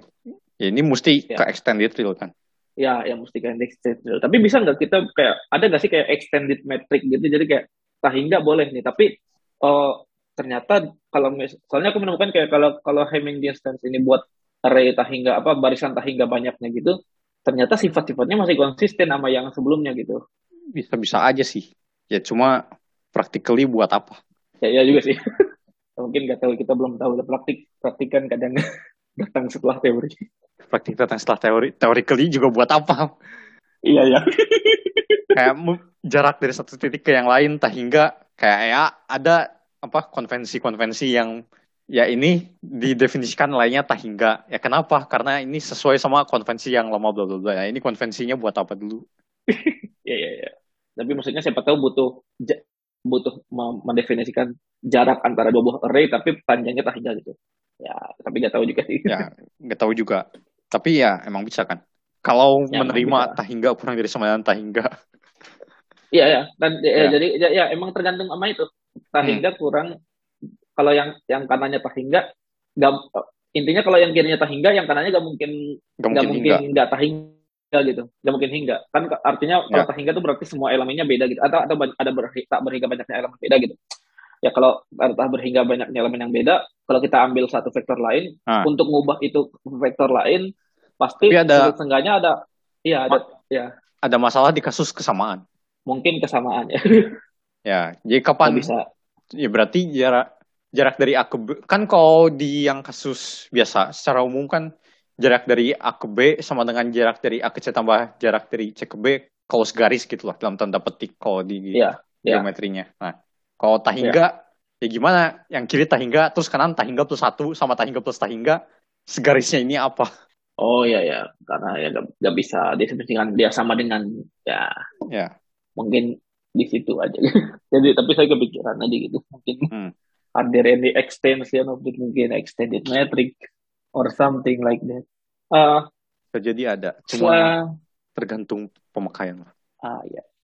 Lalu contoh ruang metrik lainnya adalah eh, jarak dari dua buah fungsi kontinu bernilai real yang terdefinisi dari di suatu interval a, B. Jadi ya definisinya adalah jarak ini definisikan sebagai integral dari eh, dari a ke b mutlak f kurang g dx. Hmm. Ya, itu harus mutlak sih bisa kuadrat terus di akar kuadratin. Itu nanti jatuhnya memang nanti ke LP species lagi. Ini adalah perumuman eh, apa salah satu kasus khusus LP species. Dan juga baru kepikiran. Kalau jaraknya boleh tak hingga, kita bisa bikin jarak yang hingga dari jarak tak hingga itu. Dan kayak masih Gimana? sama aja propertinya. Pernah lihat ini enggak? Yang jumlahan dua pangkat min n, terus jarak dibagi satu plus jarak. Oh, tahu tahu. Yang jaraknya dibagi satu plus jarak. Ha-ha. Jarak ya jarak semula, eh dibikin jarak baru, jarak baru sama dengan jarak semula dibagi satu plus jarak semula. Oh, oh, kayaknya aku belum belum tahu sih bisa bikin jarak itu, tapi kayak tapi kayaknya bentuk itu kayaknya pernah dengar sih. Ya ya. Nah itu jaraknya jadi, jadi hingga. Jadi sama aja, tidak perlu Oh, iya. extended. Jadi bi ah iya iya iya. Hah. Malah bagus bagus. Oke, oke, kita lanjutkan. Jadi kalau kita punya konsep jarak, jadi kita bisa mendefinisikan kekonvergenan barisan. Jadi si objek-objek tadi kan bisa kita kumpulin, bisa membentuk barisan. Kalau gak ada metrik ya, apalah gimana maksudnya konvergen ini? Apa mendekati suatu titik yang lain itu bagaimana? Nah, kalau ada jarak ini, kita bisa definisiin kekonvergenan. Jadi bisa kita definisiin kalau punya barisan mendekati suatu titik tuh maksudnya apa. Nah, jadi definisinya adalah suatu barisan XN Jadi indeksnya biasanya lebih besar sama satu atau ya countable lah secara umum. Disebut konvergen ke X apabila untuk setiap epsilon positif terdapat M sehingga untuk N lebih besar dari M. Jadi N sama M ini biasanya anggota indeksnya. Nah, jadi kalau N-nya lebih besar dari M, jarak dari XN ke X itu kurang dari epsilon. Jadi semuanya akan ngumpul di suatu epsilon neighborhood ya di situ ya. Untuk hmm. yang cukup besar akan ngumpul di sekitar X. Nah, lalu selain konsep konvergenan, ya ini kan dari analisis real juga kita sudah belajar ini. Tapi ada juga ya selain selain itu ada juga barisan Cauchy. Jadi intinya sebenarnya secara kasarnya adalah semakin besar n, semakin besar suku-sukunya gitu. Jadi semakin besar n-nya dari xn ya. Maka semakin kecil jarak antar suku-sukunya nih. Ceritanya tapi kalau secara rigorsnya gini, untuk setiap epsilon positif ada m sehingga untuk a dan b yang lebih besar dari m, jarak dari xa ke xb lebih kecil daripada epsilon. Hmm. Nah, barisan konvergen selalu Cauchy. Latihan lagi. Ya, ya. Di buku pengantar analisis real juga bi harusnya ada ya biasanya. Ya, ada ini. Ini dia, dia analisis real ini. Tapi ternyata belum tentu sebaliknya. Gimana? Hmm, nah, kenapa belum tentu sebaliknya? Contohnya gini deh. Dengan metrik biasa nilai mutlak. Ya sebenarnya di real esensialnya cuma ada satu metrik selain apa metrik diskrit. Karena yang tadi kita bilang yang metrik apa yang pangkatnya diubah ya balik lagi kan ke mutlak. Ya. Nah, jika di real dengan metrik yang biasa, itu barisan Cauchy sama dengan konvergen. Kenapa? Karena real itu lengkap. Nah, jadi definisi suatu himpunan himpunan metrik itu lengkap kalau setiap barisan Cauchy konvergen. Nah, tapi rasional ini nggak lengkap karena kita bisa punya barisan Cauchy yang tidak konvergen. Contohnya adalah desimal-desimal akar dua gitu. Jadi kita bikin barisannya suku pertama satu, suku pertama kedua 1,4, suku ketiga 1,41, suku selanjutnya 1,414 dan seterusnya. Pokoknya itu uh, desimalnya mendekati desimal akar dua. Nah, barisannya Cauchy kan. Untuk setiap iya. epsilon yeah. ada indeks sehingga uh, jarak antara dua elemen setelah indeks itu kurang dari epsilon. Ya. Nah, tapi ini nggak konvergen ya, karena akar dua tidak dibilangan rasional. Hmm. Ya, jadi atau bisa pakai ini juga apa Newton ya, metode Newton yang buat nyari akar. Oh ya bisa. Ya, jadi kayak uh, kita bisa mulai dari bilangan rasional, terus nanti fungsinya selalu ke bilangan rasional. Jadi kayak kita dapat barisan bilangan rasional, tapi ininya akar dua gitu, limitnya ke akar dua. Nah hmm. itu kalau di bilangan uh, rasional nggak ada itu akar dua makanya bilangan rasional itu tidak lengkap hmm. ya kenapa tidak lengkap nah kenapa ada properti yang menarik nih buat lengkap-lengkap ini yang bagus nih tapi nanti kita akan bahas fungsi dulu sama kayak waktu itu di topologi juga pernah akan dibahas kan ya ya jadi kalau misalnya kita punya dua buah ruang metrik sebut saja x dengan jaraknya adalah dx gitu dan hmm. y dengan jaraknya adalah dy dy apa gitu, tidak kita sebut saja mawar Ya sebut saja. Oh ya. Itu biasanya sebut saja mawar tuh ini apa? Penjual bakso borak. Ini penjual penjual bakso borak ya. Suaranya di ini chiptun chiptun apa? Cipmang cipmang. cipmang. Ya, nama saya ya. Awalnya sih coba-coba. Lama-lama ketagihan. ketagihan bakso boraknya sendiri. Apa? Ketagihan bakso boraknya sendiri. Iya kali. saya melihat ada yang kayak gitu. keuntungan di bisnis ini sangat besar. Iya, itu itu kayaknya gara-gara tayangan itu kayaknya orang tua kita jadi parno kalau beli jajanan. kalau kita jajan gitu, ya nggak sih? Oh, orang tua gue sih dari dulu emang apa? Kalau bisa dari rumah makanan. Soalnya dari luar bumbu-bumbunya ah, iya. begitulah. Kalau dari rumah lebih sehat. Bumbu-bumbunya mild. Micinnya super duper oh. kalau di luar, kalau di rumah nggak micin. Ya. ya tapi gue tetap aja jajan. Apa? Tetap apa? Tetap jajan? Tetap, tetap jajan. Oh, kok gue sih enggak. Ya, ya. Tapi misalnya kita punya dua buah ruang metrik nih. Uh, X dan Y dengan jarak masing-masing mereka punya jarak namanya juga ruang metrik. Lalu kita bisa bikin pemetaan dari X ke Y tentu saja. Ya, bikin pemetaan mah bisa-bisa aja. bisa yang trivial, ya bisa-bisa aja, terserah kan bikin apa. Nah, tapi ya ada ya pemetaan yang sifatnya nice, ya yang bisa kita sebut ya continue. Waktu itu di topologi kita pernah bahas juga di episode 84 ya. Jadi ya fungsi continue. Tapi biasanya continue nih di kita dari satu titik dulu di x0. Kalau di ya di bilangan real ya kalau di bilangan real kan ada, ada x0 lah. Kalau ini di ruang metrik. Jadi fungsi f ini continue di x0 apabila untuk setiap epsilon positif ada delta positif. Ah, positif delta. Kamil mah nggak apa-apa. Jadi ada delta positif.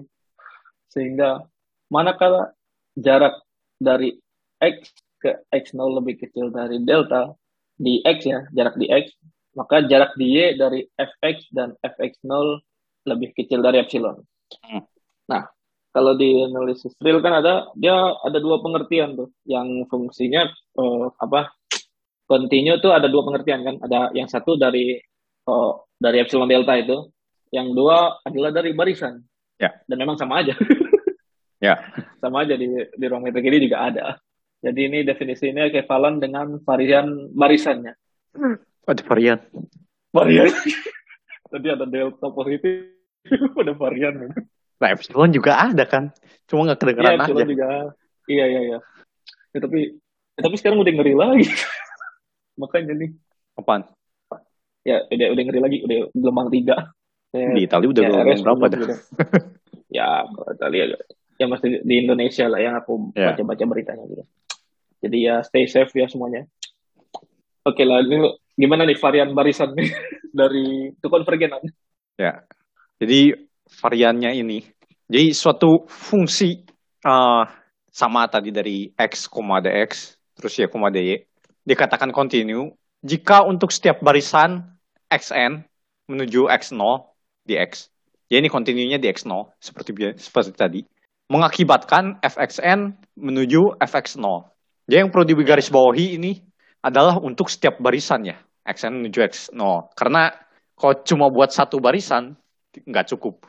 Nah, jadi yang Iya. biasanya yang dipakai kriteria ini buat ngebuktiin kalau fungsi itu tidak kontinu. Jadi diambil dua Iya. barisan konvergen ke titik yang sama, si fungsinya konvergen ke titik yang berbeda atau malah tidak konvergen. Ya, ya, biasanya gitu. Kalau yang definisi epsilon delta biasanya untuk ngebuktiin continue. Ya, ya. Dan oh ya, ini konvergennya di beda tempat ya. Kalau kalau di real kan sama aja ya. Dia sama-sama mutar ya. Kalau ini kan xn konvergen ke x0 ini di Ya. x, pakai jarak yang di x. di jarak dx. Ya. Nah, lalu fxn konvergen ke fx0 ini pakai jarak yang di y. Ya. Nah, Oke, itu ya lanjut. sama sama kayak topologi lah. Mesti dicek ruangnya yang mana. Topologinya apa, kok ini metriknya apa. Hmm. Nah, oke. Dari definisi ini juga, ini merupakan kasus khusus kekontinuan di topologi yang udah kita bahas. Jadi, kalau di topologi kan kontinunya untuk setiap himpunan buka di Y, prapetanya di X juga merupakan himpunan buka. Ya, Nah. dari fungsi f. Hmm. Ya, ya. Nah, terus kan kalau uh, di ruang metrik ya si basis buat topologinya ya ini jarak dari satu titik ke titik lain kurang dari epsilon gitu.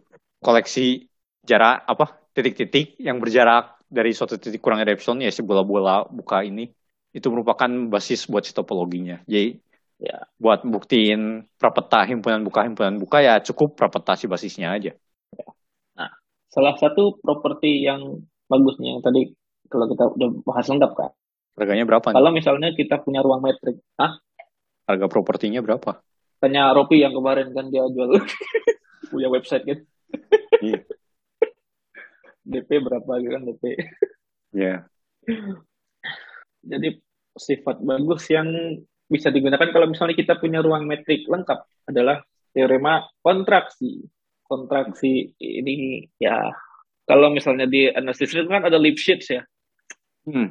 ada ini kan continue bisa nanti continue di semua itu berarti x 0 nya gak berlaku untuk semua x terus ada continue uniform juga terus ada Lipschitz nah ini kontraksi ini lebih kuat lagi nih dari Lipschitz nih kalau Lipschitz kan ada koefisien eh, Lipschitz-nya ini koefisien Lipschitz-nya lebih kecil dari satu tapi intinya gini eh misal kita ya kita punya dua ruang metrik x dan y terus eh, pemetaannya misalnya T. gitu. Jadi kontraksi ini artinya kalau misalnya kita punya dua titik X1 dan X2, ketika dipetakan oleh T ini, jarak hasil fungsi keduanya di Y akan mengecil dibandingkan dengan jaraknya di X. Artinya uh, jaraknya di Y antara TX1 dan TX2 lebih kecil dari jarak dari X1 ke X2 di X. Gitu. Untuk semua titik X1 dan X2 di X. Nah, jadi intinya, intinya ya kalau jarak dua titik ya semuanya dipetakan jaraknya akan lebih kecil gitu. Nah, kalau misalnya kita punya dua buah ruang metrik yang lengkap, maka setiap pemetaan kontraksi pasti punya fix point yang unik. Hmm. Fix point itu berarti eh, ya, x yang menghit x dengan tx. Oh ya, berarti ini dari x ke x ya. Bukan bukan jauh berarti kalau misalnya kita punya sebuah ruang metrik lengkap, pemetaan dari x ke x nih operator hmm. punya fix point yang unik. Oke. Okay. Terus yang kontraksi tadi ada juga yang nulisnya pakai kan tadi kurang dari strict ya. Tapi ya. ya beberapa ada juga yang pakai kurang dari sama dengan konstanta kali jarak x1 x2 dan konstantanya ini antara 0 dan 1 terus 0 sama satunya nggak masuk. Ya berarti lebih kurang dari satu kan? Ya, cuma somehow kayak ada orang yang pengen apa pengen tahu seberapa cepat gitu konvergennya. Oh iya ya, karena ya karena tergantung C-nya ya. Kalau misalnya C-nya ya. masih di angka katakanlah 0,9 ya itu masih lama juga. Ya. Tapi kayak misalnya 0,001 wow, cepat sekali. Ya. Hmm. Nah, betul betul. Jadi sebelum lanjut komentar dikit. Tadi kan udah dibilang ya, uh, bilangan real itu lengkap. Ya. Nah, terus uh, konstruksi bilangan real dari bilangan rasional yang pernah lu lihat yang mana? Yang mana ya? Yang kayak ini, jadi kain cut kan ya? Kayaknya ada di kain cut. Itu satu. Itu salah satunya kan? Salah satunya. Terus yang, yang barisan Cauchy? Barisan Cauchy ya, kumpulan barisan Cauchy yang jadi kayak dia kelas equivalent gitu-gitu. Ah, jadi dia kelas equivalent. Ya itu pernah pernah itu kan kayak kelas equivalent semua kayak misalnya akar dua itu adalah kelas equivalent dari semua barisan bilangan rasional yang, yang limitnya ke situ. Ya. ya. Nah, itu menurut lu ada yang lucu tidak? Mungkin sih, tapi gue agak, nah. agak, agak gak terlalu nemu lucunya. Gimana nih? Nah, bikin barisan apa bisa bikin ekuivalensi barisan kan kita butuh jarak ya, bener? Bukan butuh ini aja ya, apa kesamaan kan? Ya, ya ini kita butuh jarak juga kan. Ini tahu tahu apa? Dua dua barisan oh, iya. ekuivalen oh. apa? Kalau ya jarak di rasional. Ya jaraknya kan ada jaraknya kan. Ya, ya. Jaraknya menuju nol. Ya. Nah kita mau bikin real, sementara kita butuh jarak. Definisi jarak apa? Pemetaan ke real. Lucu kan? kita mau oh, bikin iya. real tapi butuh sesuatu yang definisinya adalah pemetaan ke real. Oh iya juga sih. Berarti apakah, apakah bisa pemetaannya ke rasional aja kalau untuk kasus ini? Ya, tapi kan definisi metrik secara umumnya uh, pemetaannya kerdil.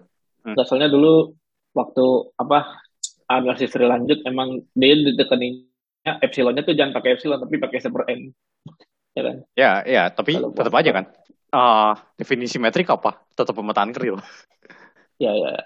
Jarak ya ya karena aku bukan pakai jarak sih tapi kayak lebih kecilnya itu didefinisikan kan kalau di bilangan rasional kan a lebih A, A per B besar atau kecil dari C per D kan yang kayak kita kali silang aja kan kalau misalnya dua-duanya ya. positif gitu ya nggak? Ya kan? Kayak gitu ya. kan? Ya. Ya yang kayak gitu-gitu. Cuman ya mungkin mungkin kayak gitu-gitu aja kalau kita ya apa definisi bukan stok ya jaraknya tuh kita nggak ngedefinisikan itu sebagai jarak tapi sebagai lebih kecil atau sama dengan gitu loh seingat aku itu apa uh, maksudnya kan kan definisinya adalah uh, barisan Cauchy yang equivalent kan? Ya. Barisan equivalent. Nah, uh, si barisan Cauchy ini kan didefinisikan sebagai sesuatu yang mutlaknya, ya kan? Ya, mutlak itu apa? Oh, nah, nah ini kalau mutlak bisa didefinisikan sebagai ini kan apa? Plus uh, yang kalau misalnya ininya negatif itu itu kayak ya. Dan mutlak itu jarak kan? Ya, dan mutlak itu jarak kalau di ya. kan kita bisa punya apa? Di rasional punya p metrik juga kan? Iya, iya, iya. Iya punya jarak kan. Nah terus okay. buat definisiin dua barisan ekuivalen apa? Pakai jarak. Pakai jarak, iya. Nah itu kayak salah salah satu apa makanya ada yang lebih prefer dedekin cut karena yang pakai barisan Cauchy ya muter-muter juga mau definisiin real tapi mau pakai sesuatu yang butuh real juga. Ya. Asalnya gue kayak bacanya misalnya X mutlak X lebih kecil daripada Y gitu. Itu Ah. kan ada yang bacanya itu sebagai ya, itu kan jarak da- jarak X jarak X ya. Jarak Ya. X ke 0 lebih kecil dari Y. Atau ada juga yang baca itu X lebih besar, lebih kecil dari Y, lebih besar dari minus Y kayak gitu. Ya, dan tahu itu kan butuh jarak. Kalau diganti JPAD kan gagal. Ya, Beda. ya. Karena ya beda. ya ya. Berarti ya mungkin Ya, itu komen aja sih.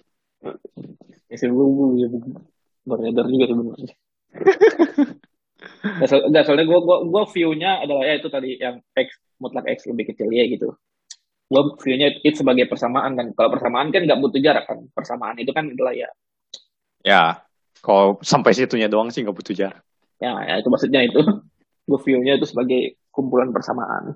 Ya, tapi kan mengatakan sesuatu samanya ini loh butuh jarak. Ya ya. Nah, oke. Oke, Jadi lanjut. next. Tadi kita punya wrong metric. Sekarang kita lebih spesifik lagi, ninjau wrong metric yang lebih khusus lagi. Nah, jadi ini yang sudah pernah dilihat di ruang vektor, yaitu ada namanya konsep norm atau bahasa Indonesia norma ya, atau panjang vektor. Ya. Lucu sih. Norma susila apa? panjang vektor susila. Iya. Norma ini no- Norma Gomedo. Makanya. Oke lah. Karena aneh, saya nyebutnya norm aja lah. Jadi apa norm ini? Norm ini adalah fungsi lagi, ya sama aja kayak ruang metrik fungsi juga. Nah, tapi sekarang spesifik eh, objeknya di ruang vektor. Jadi kan kalau tadi bisa himpunan apa pun ya kalau ruang metrik. Kalau ini spesifik di ruang vektor. Hmm. Ke bilangan real lagi.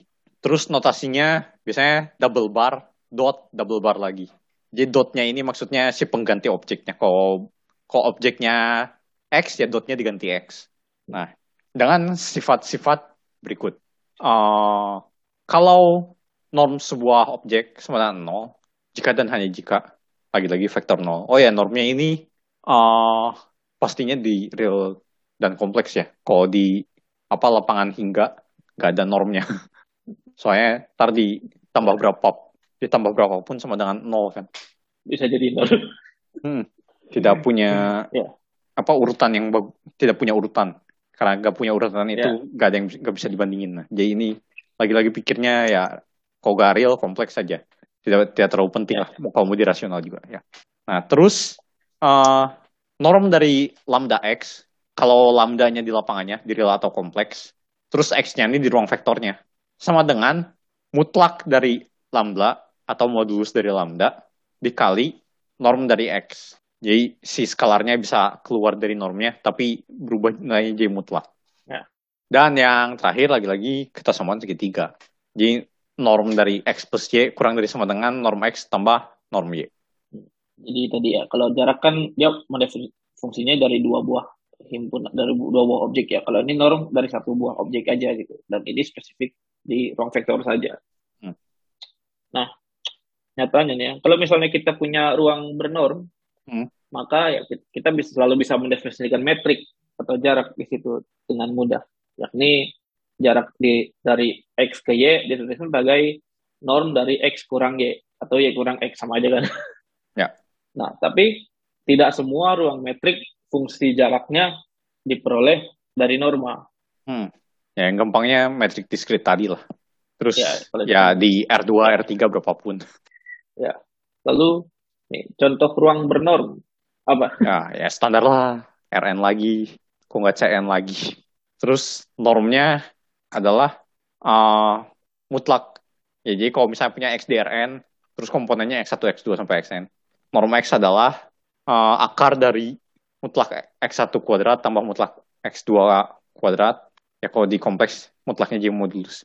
Tambah dan seterusnya tambah eh, mutlak Xn kuadrat. Dan sama seperti ke yang dibahas sebelumnya, si duanya ini atau kalau kita tuliskan berarti tadi jadi mutlak x1 kuadrat tambah mutlak x2 kuadrat tambah seterusnya sampai mutlak xn kuadrat, terus semua itu dipangkatin setengah.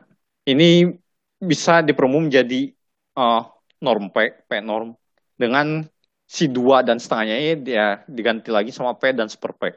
Dan dan dan karena ada ruang kan ini ruang vektornya kita masih dimensinya hingga ya dan ada juga ruang vektor yang dimensinya tak hingga. Dan kalau ruang vektor yang dimensinya hingga ini uh, semuanya lengkap. Nah, tapi ruang vektor di dimensi tak hingga ini gak semuanya lengkap. Nah, karena itu ruang vektor bernomor ruang vektor yang punya norm yang lengkap juga dis, namanya khusus disebut ruang bana. Ya.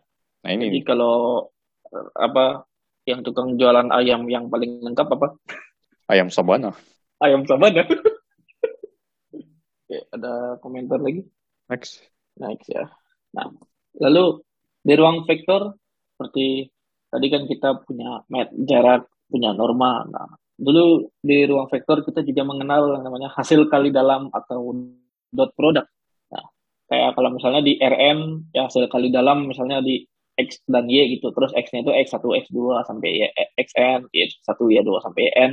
Jadi didefinisikan sebagai jumlahan elemen wise dari vektor pertama dan kedua. Jadi X1 Y1 tambah X2 Y2 tambah dan seterusnya sampai Xn Yn. Atau kalau di kompleks vektor pertama dengan konjugat vektor kedua. Jadi X1 Y1 konjugat gitu ya.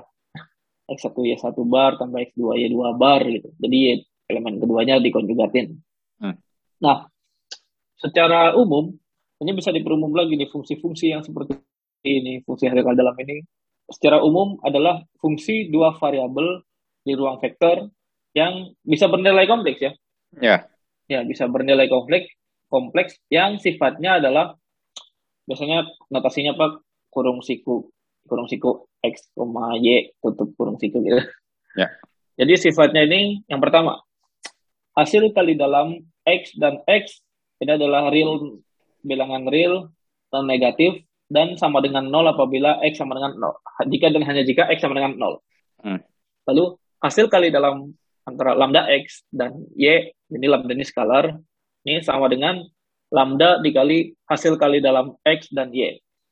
Nah, yang ketiga, yang ketiga hasil kali dalam x dan y sama dengan penjugat hasil kali dalam y dan x. Jadi kalau hmm. x sama y-nya mau tukeran, dia jadi konjugatnya gitu. Lalu hasil kali dalam X plus Y dan Z sama dengan hasil kali dalam X dan Z ditambah hasil kali dalam Y dan Z atau sifat distributif. Hmm. Oke.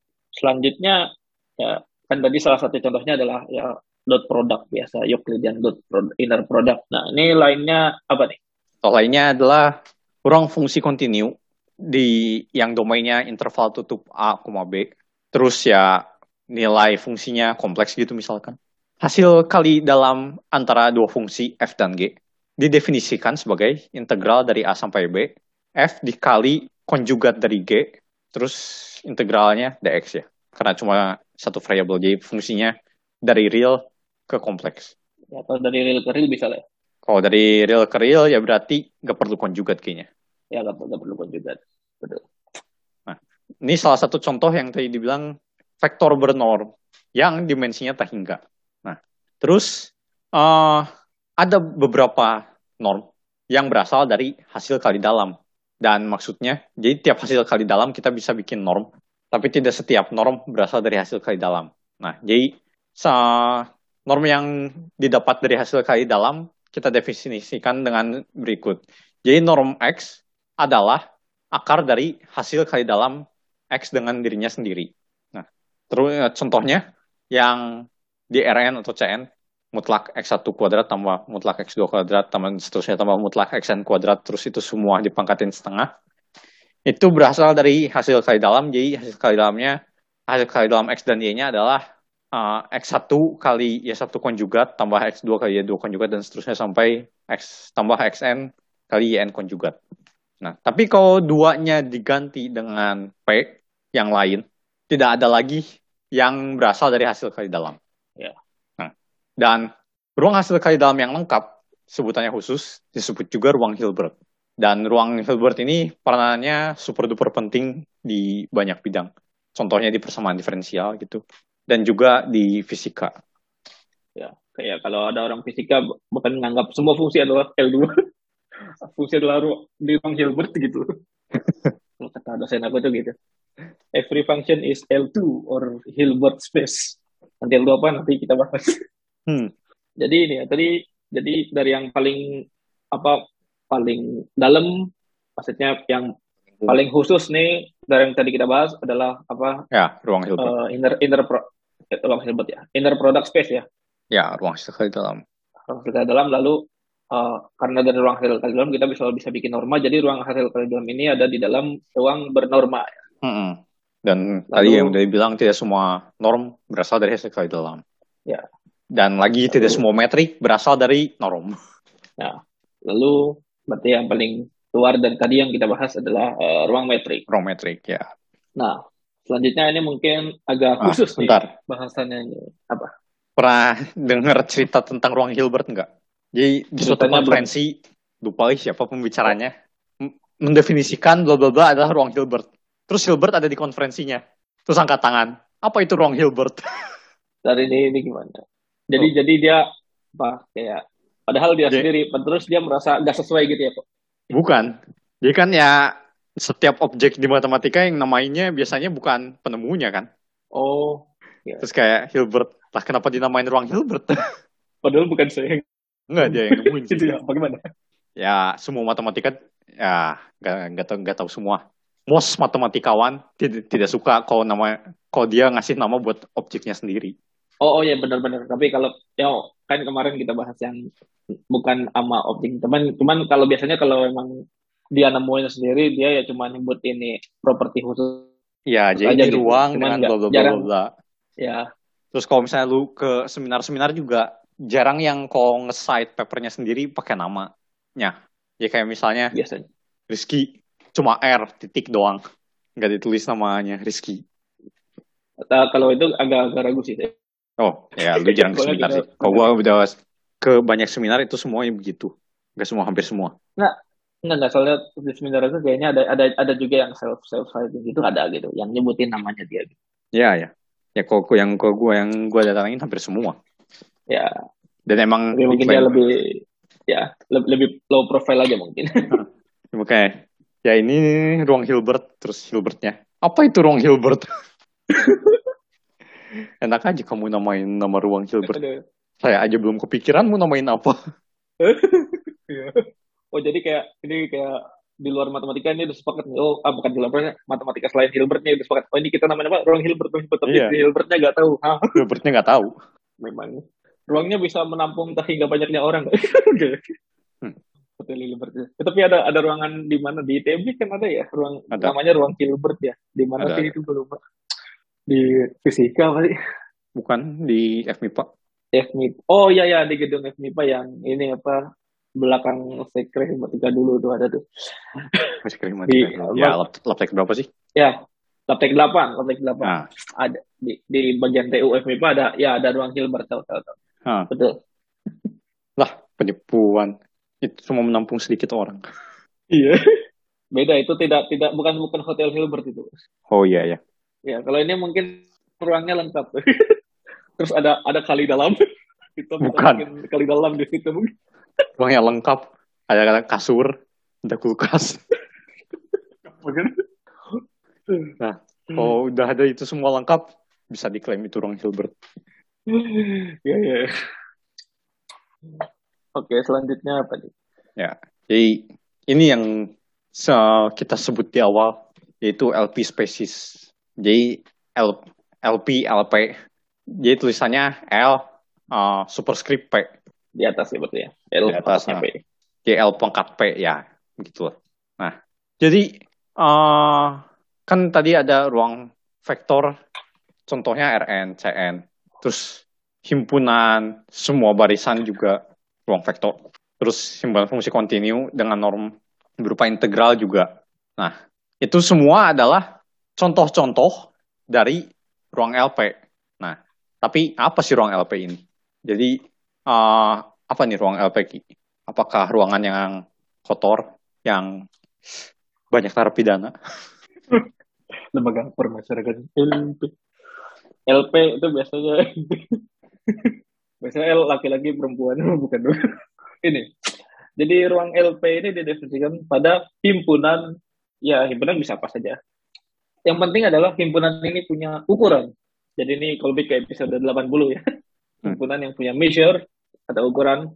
Dan ini kita ada definisi juga fungsi terukur. Jadi karena ini kan himpunan, jadi fungsi di him, himpunan kan bisa bisa punya fungsi ya, bisa punya fungsi. Yang penting fungsinya terukur, fungsi ke bilangan real. Jadi fungsi yang prapeta dari fungsi yang terukur. Fungsi terukur ini fungsi yang prapeta dari himpunan yang terukur di range.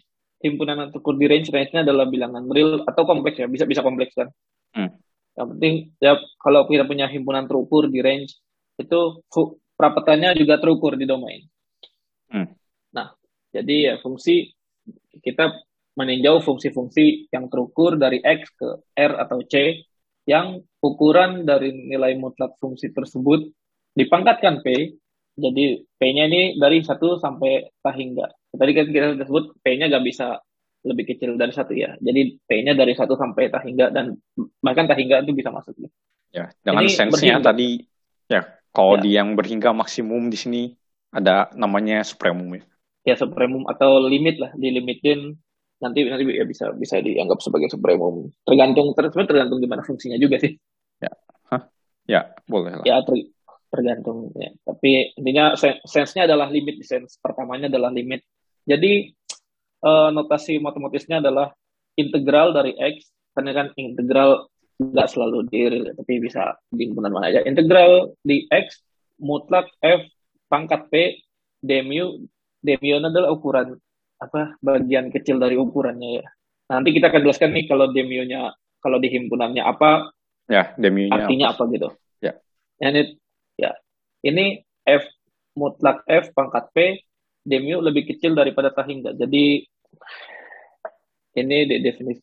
Jadi fungsi-fungsi yang memenuhi properti ini, properti integralnya, apa ukuran integralnya dari mutlak f pangkat p demio lebih kecil dari tahingga ini disebut uh, ruang LP dari X, mu, eh, adalah ya X, mu. Ada, ada ada ruang fungsinya di sana. Udah udah, jangan kebanyakan koma. Sudah waktunya Iya iya. iya. Emang enak. Nah, koma. Iya sih. Nah, lalu dan ini kita selalu bisa definisikan normanya adalah kalau tadi kan F mutlak F pangkat P kan nanti integralnya dipangkatin seper P lagi untuk jadi norma. Hmm. Nah, contohnya gimana nih? Ya.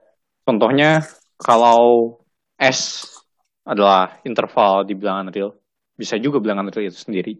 Integral ini ya jadi integral biasa aja di real. Jadi dmu-nya jdx saja. Terus integral atas x-nya ya kalau misalnya intervalnya dari A sampai B gitu ya interval integral integralnya jadi A sampai B aja. Integral AB mutlak F pangkat P dx. Nah, terus kan uh, tadi kita ngeklaim ya, ini jadi norm ya. Nah, ya. padahal eh, nggak uh, jadi norm juga ini. Nah, kenapa? Jadi misal fungsinya di selang 01, terus mu-nya uh, ukuran Lebesgue. Ya, nantinya dmu-nya di notasinya dx juga gitu. Cuma integralnya bukan integral Riemann, integral Lebesgue. Nah, terus kita punya fungsi Dirichlet, yaitu fungsi yang nilainya 0 di rasional, 1 di rasional. Nah, terus uh, kita integralin dari 0 sampai 1 mutlak f-nya sama aja kayak f kan jadinya p-nya ini bisa berapa aja dari 1 sampai tahingga gak masalah terus dx nah integralnya ini 0 kan Ses nah, ukurannya 0 yang di ya karena apa karena dia, ukuran dia tidak nolnya itu 0 ya ya kita udah bahas juga nah padahal kan syarat si apa norm adalah uh, norm nol jika dan hanya jika fungsinya nol, literally nol gitu, nol di semua tempat. Nah, sedangkan ya. ini nggak nol nih di semua tempat. Nah, jadi gimana dong? Ya, jadi LP yang tadi itu kurang tepat gitu. Jadi uh, definisi, jadi di sense yang ini si fungsi diri ini dianggap sama dengan fungsi nol karena dia bernilai tidak nolnya cuma di himpunan yang ukurannya nol. Nah, jadi si LP-nya bukan yang tadi nih. LP-nya butuh definisi yang lebih akurat. Nah, apa nih definisi yang lebih akuratnya? Jadi definisi yang hampir akur definisi yang lebih akurat nih jadi fungsi Dirichlet ini dikatakan sebagai fungsi yang nol hampir di mana saja karena fungsi ini tidak nol ketika uh, di himpunan yang ukurannya nol, ukuran lebeknya nol. Jadi kita bisa definisikan f dan g ekuivalen apabila f kurang g adalah fungsi yang nol hampir di mana saja atau tidak nolnya cuma di uh, himpunan yang ukurannya nol. Kayak tadi misalkan di fungsi Dirichlet kan di fx sama dengan satu di rasional ya. Ya kan tapi sebagaimanapun ya karena ras, bilangan rasional uh, himpunan rasional itu ukurannya nol di bilangan real. Jadi nah. LP yang benar ini adalah kelas ekuivalensi fungsi dan jadinya apa? Norm f sama dengan 0 jika jika f sama 0 jadinya benar. Karena ya Betul. fungsi Dirichlet ini sama aja sama fungsi 0 nah contoh lain adalah kalau S-nya ini himpunan bilangan bulat positif gitu. Dari 1 sampai N. Nah, terus ya ukurannya apa counting measure. Ya, ukuran counting. Nah, L, LPS dan ukuran counting ini ya jadi RN atau CN aja. Dan integralnya berubah jadi penjumlahan. Nah, jadi tentu saja RN sama CN ini masuk di LP. Untuk P-nya ini berapapun ya. Dari 1 sampai tak hingga ya jadi kan jadi kita view view-nya f-nya ini adalah fungsi kan jadi fungsi dari himpunan 1 sampai n ke rn ke r atau ke c kan hmm. jadi maka dia kan ruang vektor apa ruang vektor rn atau cn bisa dipandang sebagai fungsi hmm. dan itu integralnya dari jumlahan jadi kayak elemen-elemennya dijumlahin aja jadi ya ini counting measure aja hmm. oke lanjut Terus kalau S-nya adalah bilangan asli, himpunan asli. LP ini adalah kumpulan barisan yang deret elemennya kalau dipangkatin P, yang mutlak elemennya dipangkatin P, konvergen. Jadi, uh, kalau punya barisannya X1, X2, X3, dan seterusnya. X di LP ini, jika dan hanya jika jumlah dari N sama dengan 1 sampai tak hingga mutlak XN dipangkatin P, itu kurang dari tak hingga. Dan uh, kalau LP yang kita sebut dari tadi ini biasanya notasinya kapital L ya. L-nya huruf kapital, yeah. terus dipangkatin P. Nah, kalau kita ninjaunya yang barisan aja, kita nulisnya bukan kapital L, tapi uh, huruf L kecil dipangkatin P. Yeah. Nah, kalau di latex di... tuh, latex ya. kalau di latex tuh ELL. Ya, bukan huruf L, garis. backslash ELL. Ya, ya backslash ELL, bukan L biasa. Uh. Kalau mau L biasa sih sebenarnya nggak masalah ya kalau misalnya nggak ada yang bingung ya. Iya sih. Cuma biasanya ditulisnya L, L, Iya, lebih estetik gitu. Jadi contohnya adalah uh, sat, sat, barisan satu setengah sepertiga seperempat dan seterusnya ini dia masuk L2 tapi gak masuk L kecil satu ya. Ya. Iya dan sebenarnya masuk LP berapapun asal P-nya lebih besar dari satu. Iya. karena dia konvergen kalau P-nya besar satu. Ya, bukan sih, karena kurang kelas kakap. kelas kakap kelas ini, kelas 3, kelas kakap. Iya, L1 tuh hanya untuk kelas kakap. ya. ya. Nah, tadi kan P-nya bisa dipilih ya dari 1 sampai tak hingga ya. Hmm. Tapi meskipun banyak pilihan P, ini bisa ini ada teoremanya, tapi saya lupa nama teoremanya apa. Ini Cuma L2 yang merupakan ruang Hilbert. Hmm. Oh ya benar. Kita ya. belum mention juga ya, LP ini ruang Banach. Iya, LP ini ruang Banach. Hmm. Tapi cuma L2 yang ruang Hilbert karena uh, bisa dibikin dari hasil kali dalam. Hmm. Nah, Tapi ya, jadi, maksudnya untuk untuk himpunan apa pun ya. Hmm. Jadi norm itu berasal dari hasil kali dalam jika dan hanya jika dia memenuhi persamaan apa paralelogram cecer genjang ya. Ya ya, jadwal genjang paralelogram law. Ya. Jadi cuma di L2 paralelogram law-nya ini berlaku. Ya. Tapi ada juga kayaknya gue, gue kemarin presentasi soal apa paralelogram law yang lebih luas apa lebih loose gitu perumumannya. Oh. Hmm. Ada. Tapi intinya kalau paralelogram law itu cuma berlaku di uh, ruang Hilbert. Hmm. Nah, nah, terus di ruang LP ini ada juga yang sering kita pakai yaitu kesamaan holder yang sesuai episode sebelumnya salah nama. Gak salah nama sih. Yang namanya tidak sesuai. Beda beda dikit. Nah, jadi jika P dan Q adalah konjugat eksponen, dengan definisi konjugat eksponen adalah satu per P tambah satu per Q sama dengan satu. Dan lagi-lagi P sama Q-nya ini minimal satu. Jadi kalau P-nya satu, Q-nya tak hingga. Jadi uh, konvensinya satu per tak hingga sama dengan nol. Ya. Nah, maka berlaku norm dari F kali G di L1 itu kurang dari sama dengan, oh ya, F sama G-nya ini, F-nya di LP, G-nya di LQ. Tapi hasil kalinya ini bisa punya norm di L1. Dan menariknya, norm FG di L1 kurang dari sama dengan norm F di LP kali norm G di LQ. Nah, dan ketersamaan Holder ini juga uh, biasa dipakai untuk membuktikan ketersamaan Minkowski yang merupakan perumuman dari ketersamaan segitiga yang maksudnya inilah ketersamaan segitiganya di ruang LP yaitu ketersamaan Minkowski. Jadi kayak apa untuk setiap norm P ya F F tambah G kalau FG-nya dua-duanya di LP norm F plus G di LP ya lebih kecil atau sama dengan norm F tambah norm G gitu. Hmm. Nah, lalu kalau P sama dengan Q sama dengan 2 itu jadi Cauchy Squares ya. Nah, terus kan tadi sudah dijanjiin, kenapa P-nya nggak bisa kurang dari satu? Karena pas P kurang dari satu, ketersamaan Minkowski-nya gagal. Jadi, Ya, ya ada yang nggak Hmm? ada ada yang nggak berlaku. Saya ya itu. ya itu ketersamaan Minkowski-nya gagal, si, si hampir normnya ini gagal memenuhi ketersamaan segitiga. Makanya gak jadi norm. Makanya pas P-nya kurang dari satu, ya gagal. Tapi ada ada juga yang mengkaji soal P-nya ini, P-nya antara 0 dan 1 ini. Ada Ya, Ya, ada ada makanya. pemakaiannya untuk di tempat lain. Ya. Atau P-nya sama dengan 0 berarti P-nya sama dengan 0. Ya, P-nya sama nol mah gak ada. Ya, P-nya antara, antara 0 dan 1. Kalau P-nya sama dengan 0, 1. Ya, terus tidak ada juga P yang mengkaji P-nya negatif. Ya, ntar satu per. Sudah jelas. Dua elemen sama, ntar lah satu per nol. Iya, ya, nggak nggak bisa gitu. Hmm. Vektor 0, vektor 0 nggak bisa definisikan kalau di negatif ya normnya. Iya. Ya. oke. Ya, ini ini LP sebenarnya ada lagi ini kalau LP ini bahasnya banyak yang kita dulu bahas apa weak weak convergence gitu ya. Weak topology, weak Yang nggak cuma di LP sih. convergence ya. Dan kemarin gue apa disuruh bahas itu pas di LP. Ya, eh set setupnya di LP. ya, ya.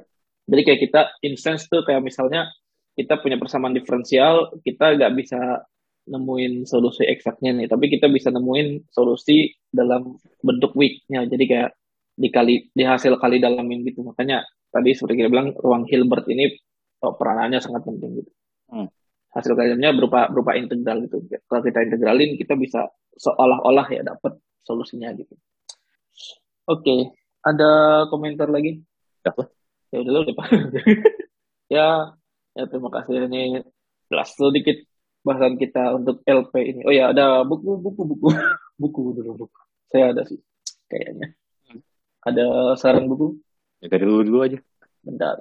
Untuk belajar LP species atau secara umum ya? Buat kemarin tuh Emang ada yang khusus? ya siapa tahu ada. Kalau kalau dicari bukunya mah ada aja. Atau ya pengantar ininya secara umum. Ada yang lumayan bagus nih Erwin Kreyzig Introductory Functional Analysis with Applications ini bagus juga nih kemarin yang aku mainly pakai gitu sama eh ini nih SACS S A C K S S A C K S SACS Oh, itu baru tahu. Jadi keren. ini ini yang ke- kemarin dosennya pakai judulnya Paul Sachs S A C K S ya. Techniques of Functional Analysis for Differential and Integral Equation. Mostly Ah. pakai ini. Eh, jadi memang ini tekanannya buat apa PDI memang. Hmm. Oke. Kalau dari lo mungkin ada saran? Dari gua tadi hmm, Brezis tidak terlalu recommended, terlalu terlalu singkat. Ada buku lain yang pas gua ambil analisis fungsional di ITB, eh pengarangnya berapa orang? ini? Ada Yuli Edelman, Vitaly Milman, Antonis Solomitis. Nah ini, eh kalau yang belajar analisis fungsional pasti ke- sering ketemu eh, teorema ada namanya Milman, ada apa-apa Milman. Nah ini Oh, Vitaly Milman ini salah satu orang penting di analisis fungsional. Jadi uh, judul bukunya Functional Analysis, an Introduction. Itu lumayan. Terus eh eh eh eh, mari kita cek Rudin. Yang mana yang Rudin nih? Bapak, Bapak. Rudin, apa Eh ya bener-bener. Rudin yang real analysis recommended buat pengantar. Yang yang fungsional analisisnya nggak ada LP sih. Kayak udah langsung bahas space yang umum. Yang real and complex analisisnya recommended. Ya biasanya kalau L- kalau LP doang sih di buku real analysis yang standar juga pada ada ya biasanya. Ya, atau buku analisis fungsional biasanya ada. Ah, tapi ya tergantung sih buku analisis fungsional yang kayak Rudin nggak bahas LP gara-gara udah di buku sebelumnya kali ya. Oh, Dia langsung apa topological topological vector space sama bana bana space yang umum. Nah terus somehow some way gue menemukan eh, kayak menurut gue ini kitab sucinya analisis fungsional harusnya karena gue merasa wah sangat mantap pas baca. Jadi eh, LP-nya ada nggak ya? Oh ada, tapi tidak segitunya ya. Jadi bukunya buat analisis fungsionalnya, literally nggak buat LP-nya sih nggak tahu belum nyampe bagian LP-nya. Jadi bukunya pengarangnya Danforth, Nelson Danforth sama Jacob T. Schwartz. Ini Schwartz-nya pakai T. Karena ada Schwartz yang tidak pakai T, ada yang pakai T, ini yang pakai T. Nah, judul bukunya Linear Operators, tiga volume. Hmm. Nah, ini sangat-sangat recommended. Keren. oh ya sama ini. Kemarin buat ngebahas LP space kayaknya aku mainly ngambil dari buku ini. Ini ada buat ngebahas LP space lumayan, tapi agak berat sih, nggak tahu ya. Filmos Komornik tau nggak? Filmos Komornik Lectures on Functional Analysis and the Lebesgue Integral. Ini sebenarnya satu bab aja, cuman dia cuman dia bahas juga yang apa? eh Tulisannya gimana? P-nya apa? Tulisannya? Tulisan pengarangnya? Filmos Komornik K O M O R N I K V V I L M O N M O S Hmm. Itu tuh kayaknya lum- lumayan komprehensif cuman mungkin kalau buat apa buat pemula ada berat sih Oh. Waduh. Springernya ini covernya mirip Prezis. iya makanya makanya mungkinnya ini buat Ya. ya, ya aku bilang kalau buat buat buat undergrad mungkin agak berat buat buat S2 juga mungkin agak berat ini ya, ya. Waduh, ini anaknya Prezis yang kayaknya sih Itulah. Ada lagi Hmm. Udah. Udah, kayaknya ya sudah lah ya. Ya, itu tadi bahasan kita tentang LP species dan ya ruang metrik secara umum. Ya, kalau misalnya kalian suka konten, eh, apa? Hmm. Ya, kalau misalnya kalian suka konten-konten kami, bisa di-share ke teman-teman kalian dan jangan lupa di-follow juga kita di Instagram @podcastbebaslinear dan di Twitter @bebaslinear. Sampai jumpa di episode berikutnya. PPAP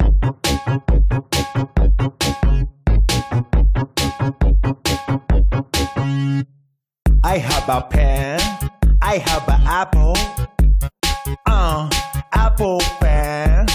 I have a pen I have pineapple uh pineapple pen apple pen Pep Pineapple a Popper.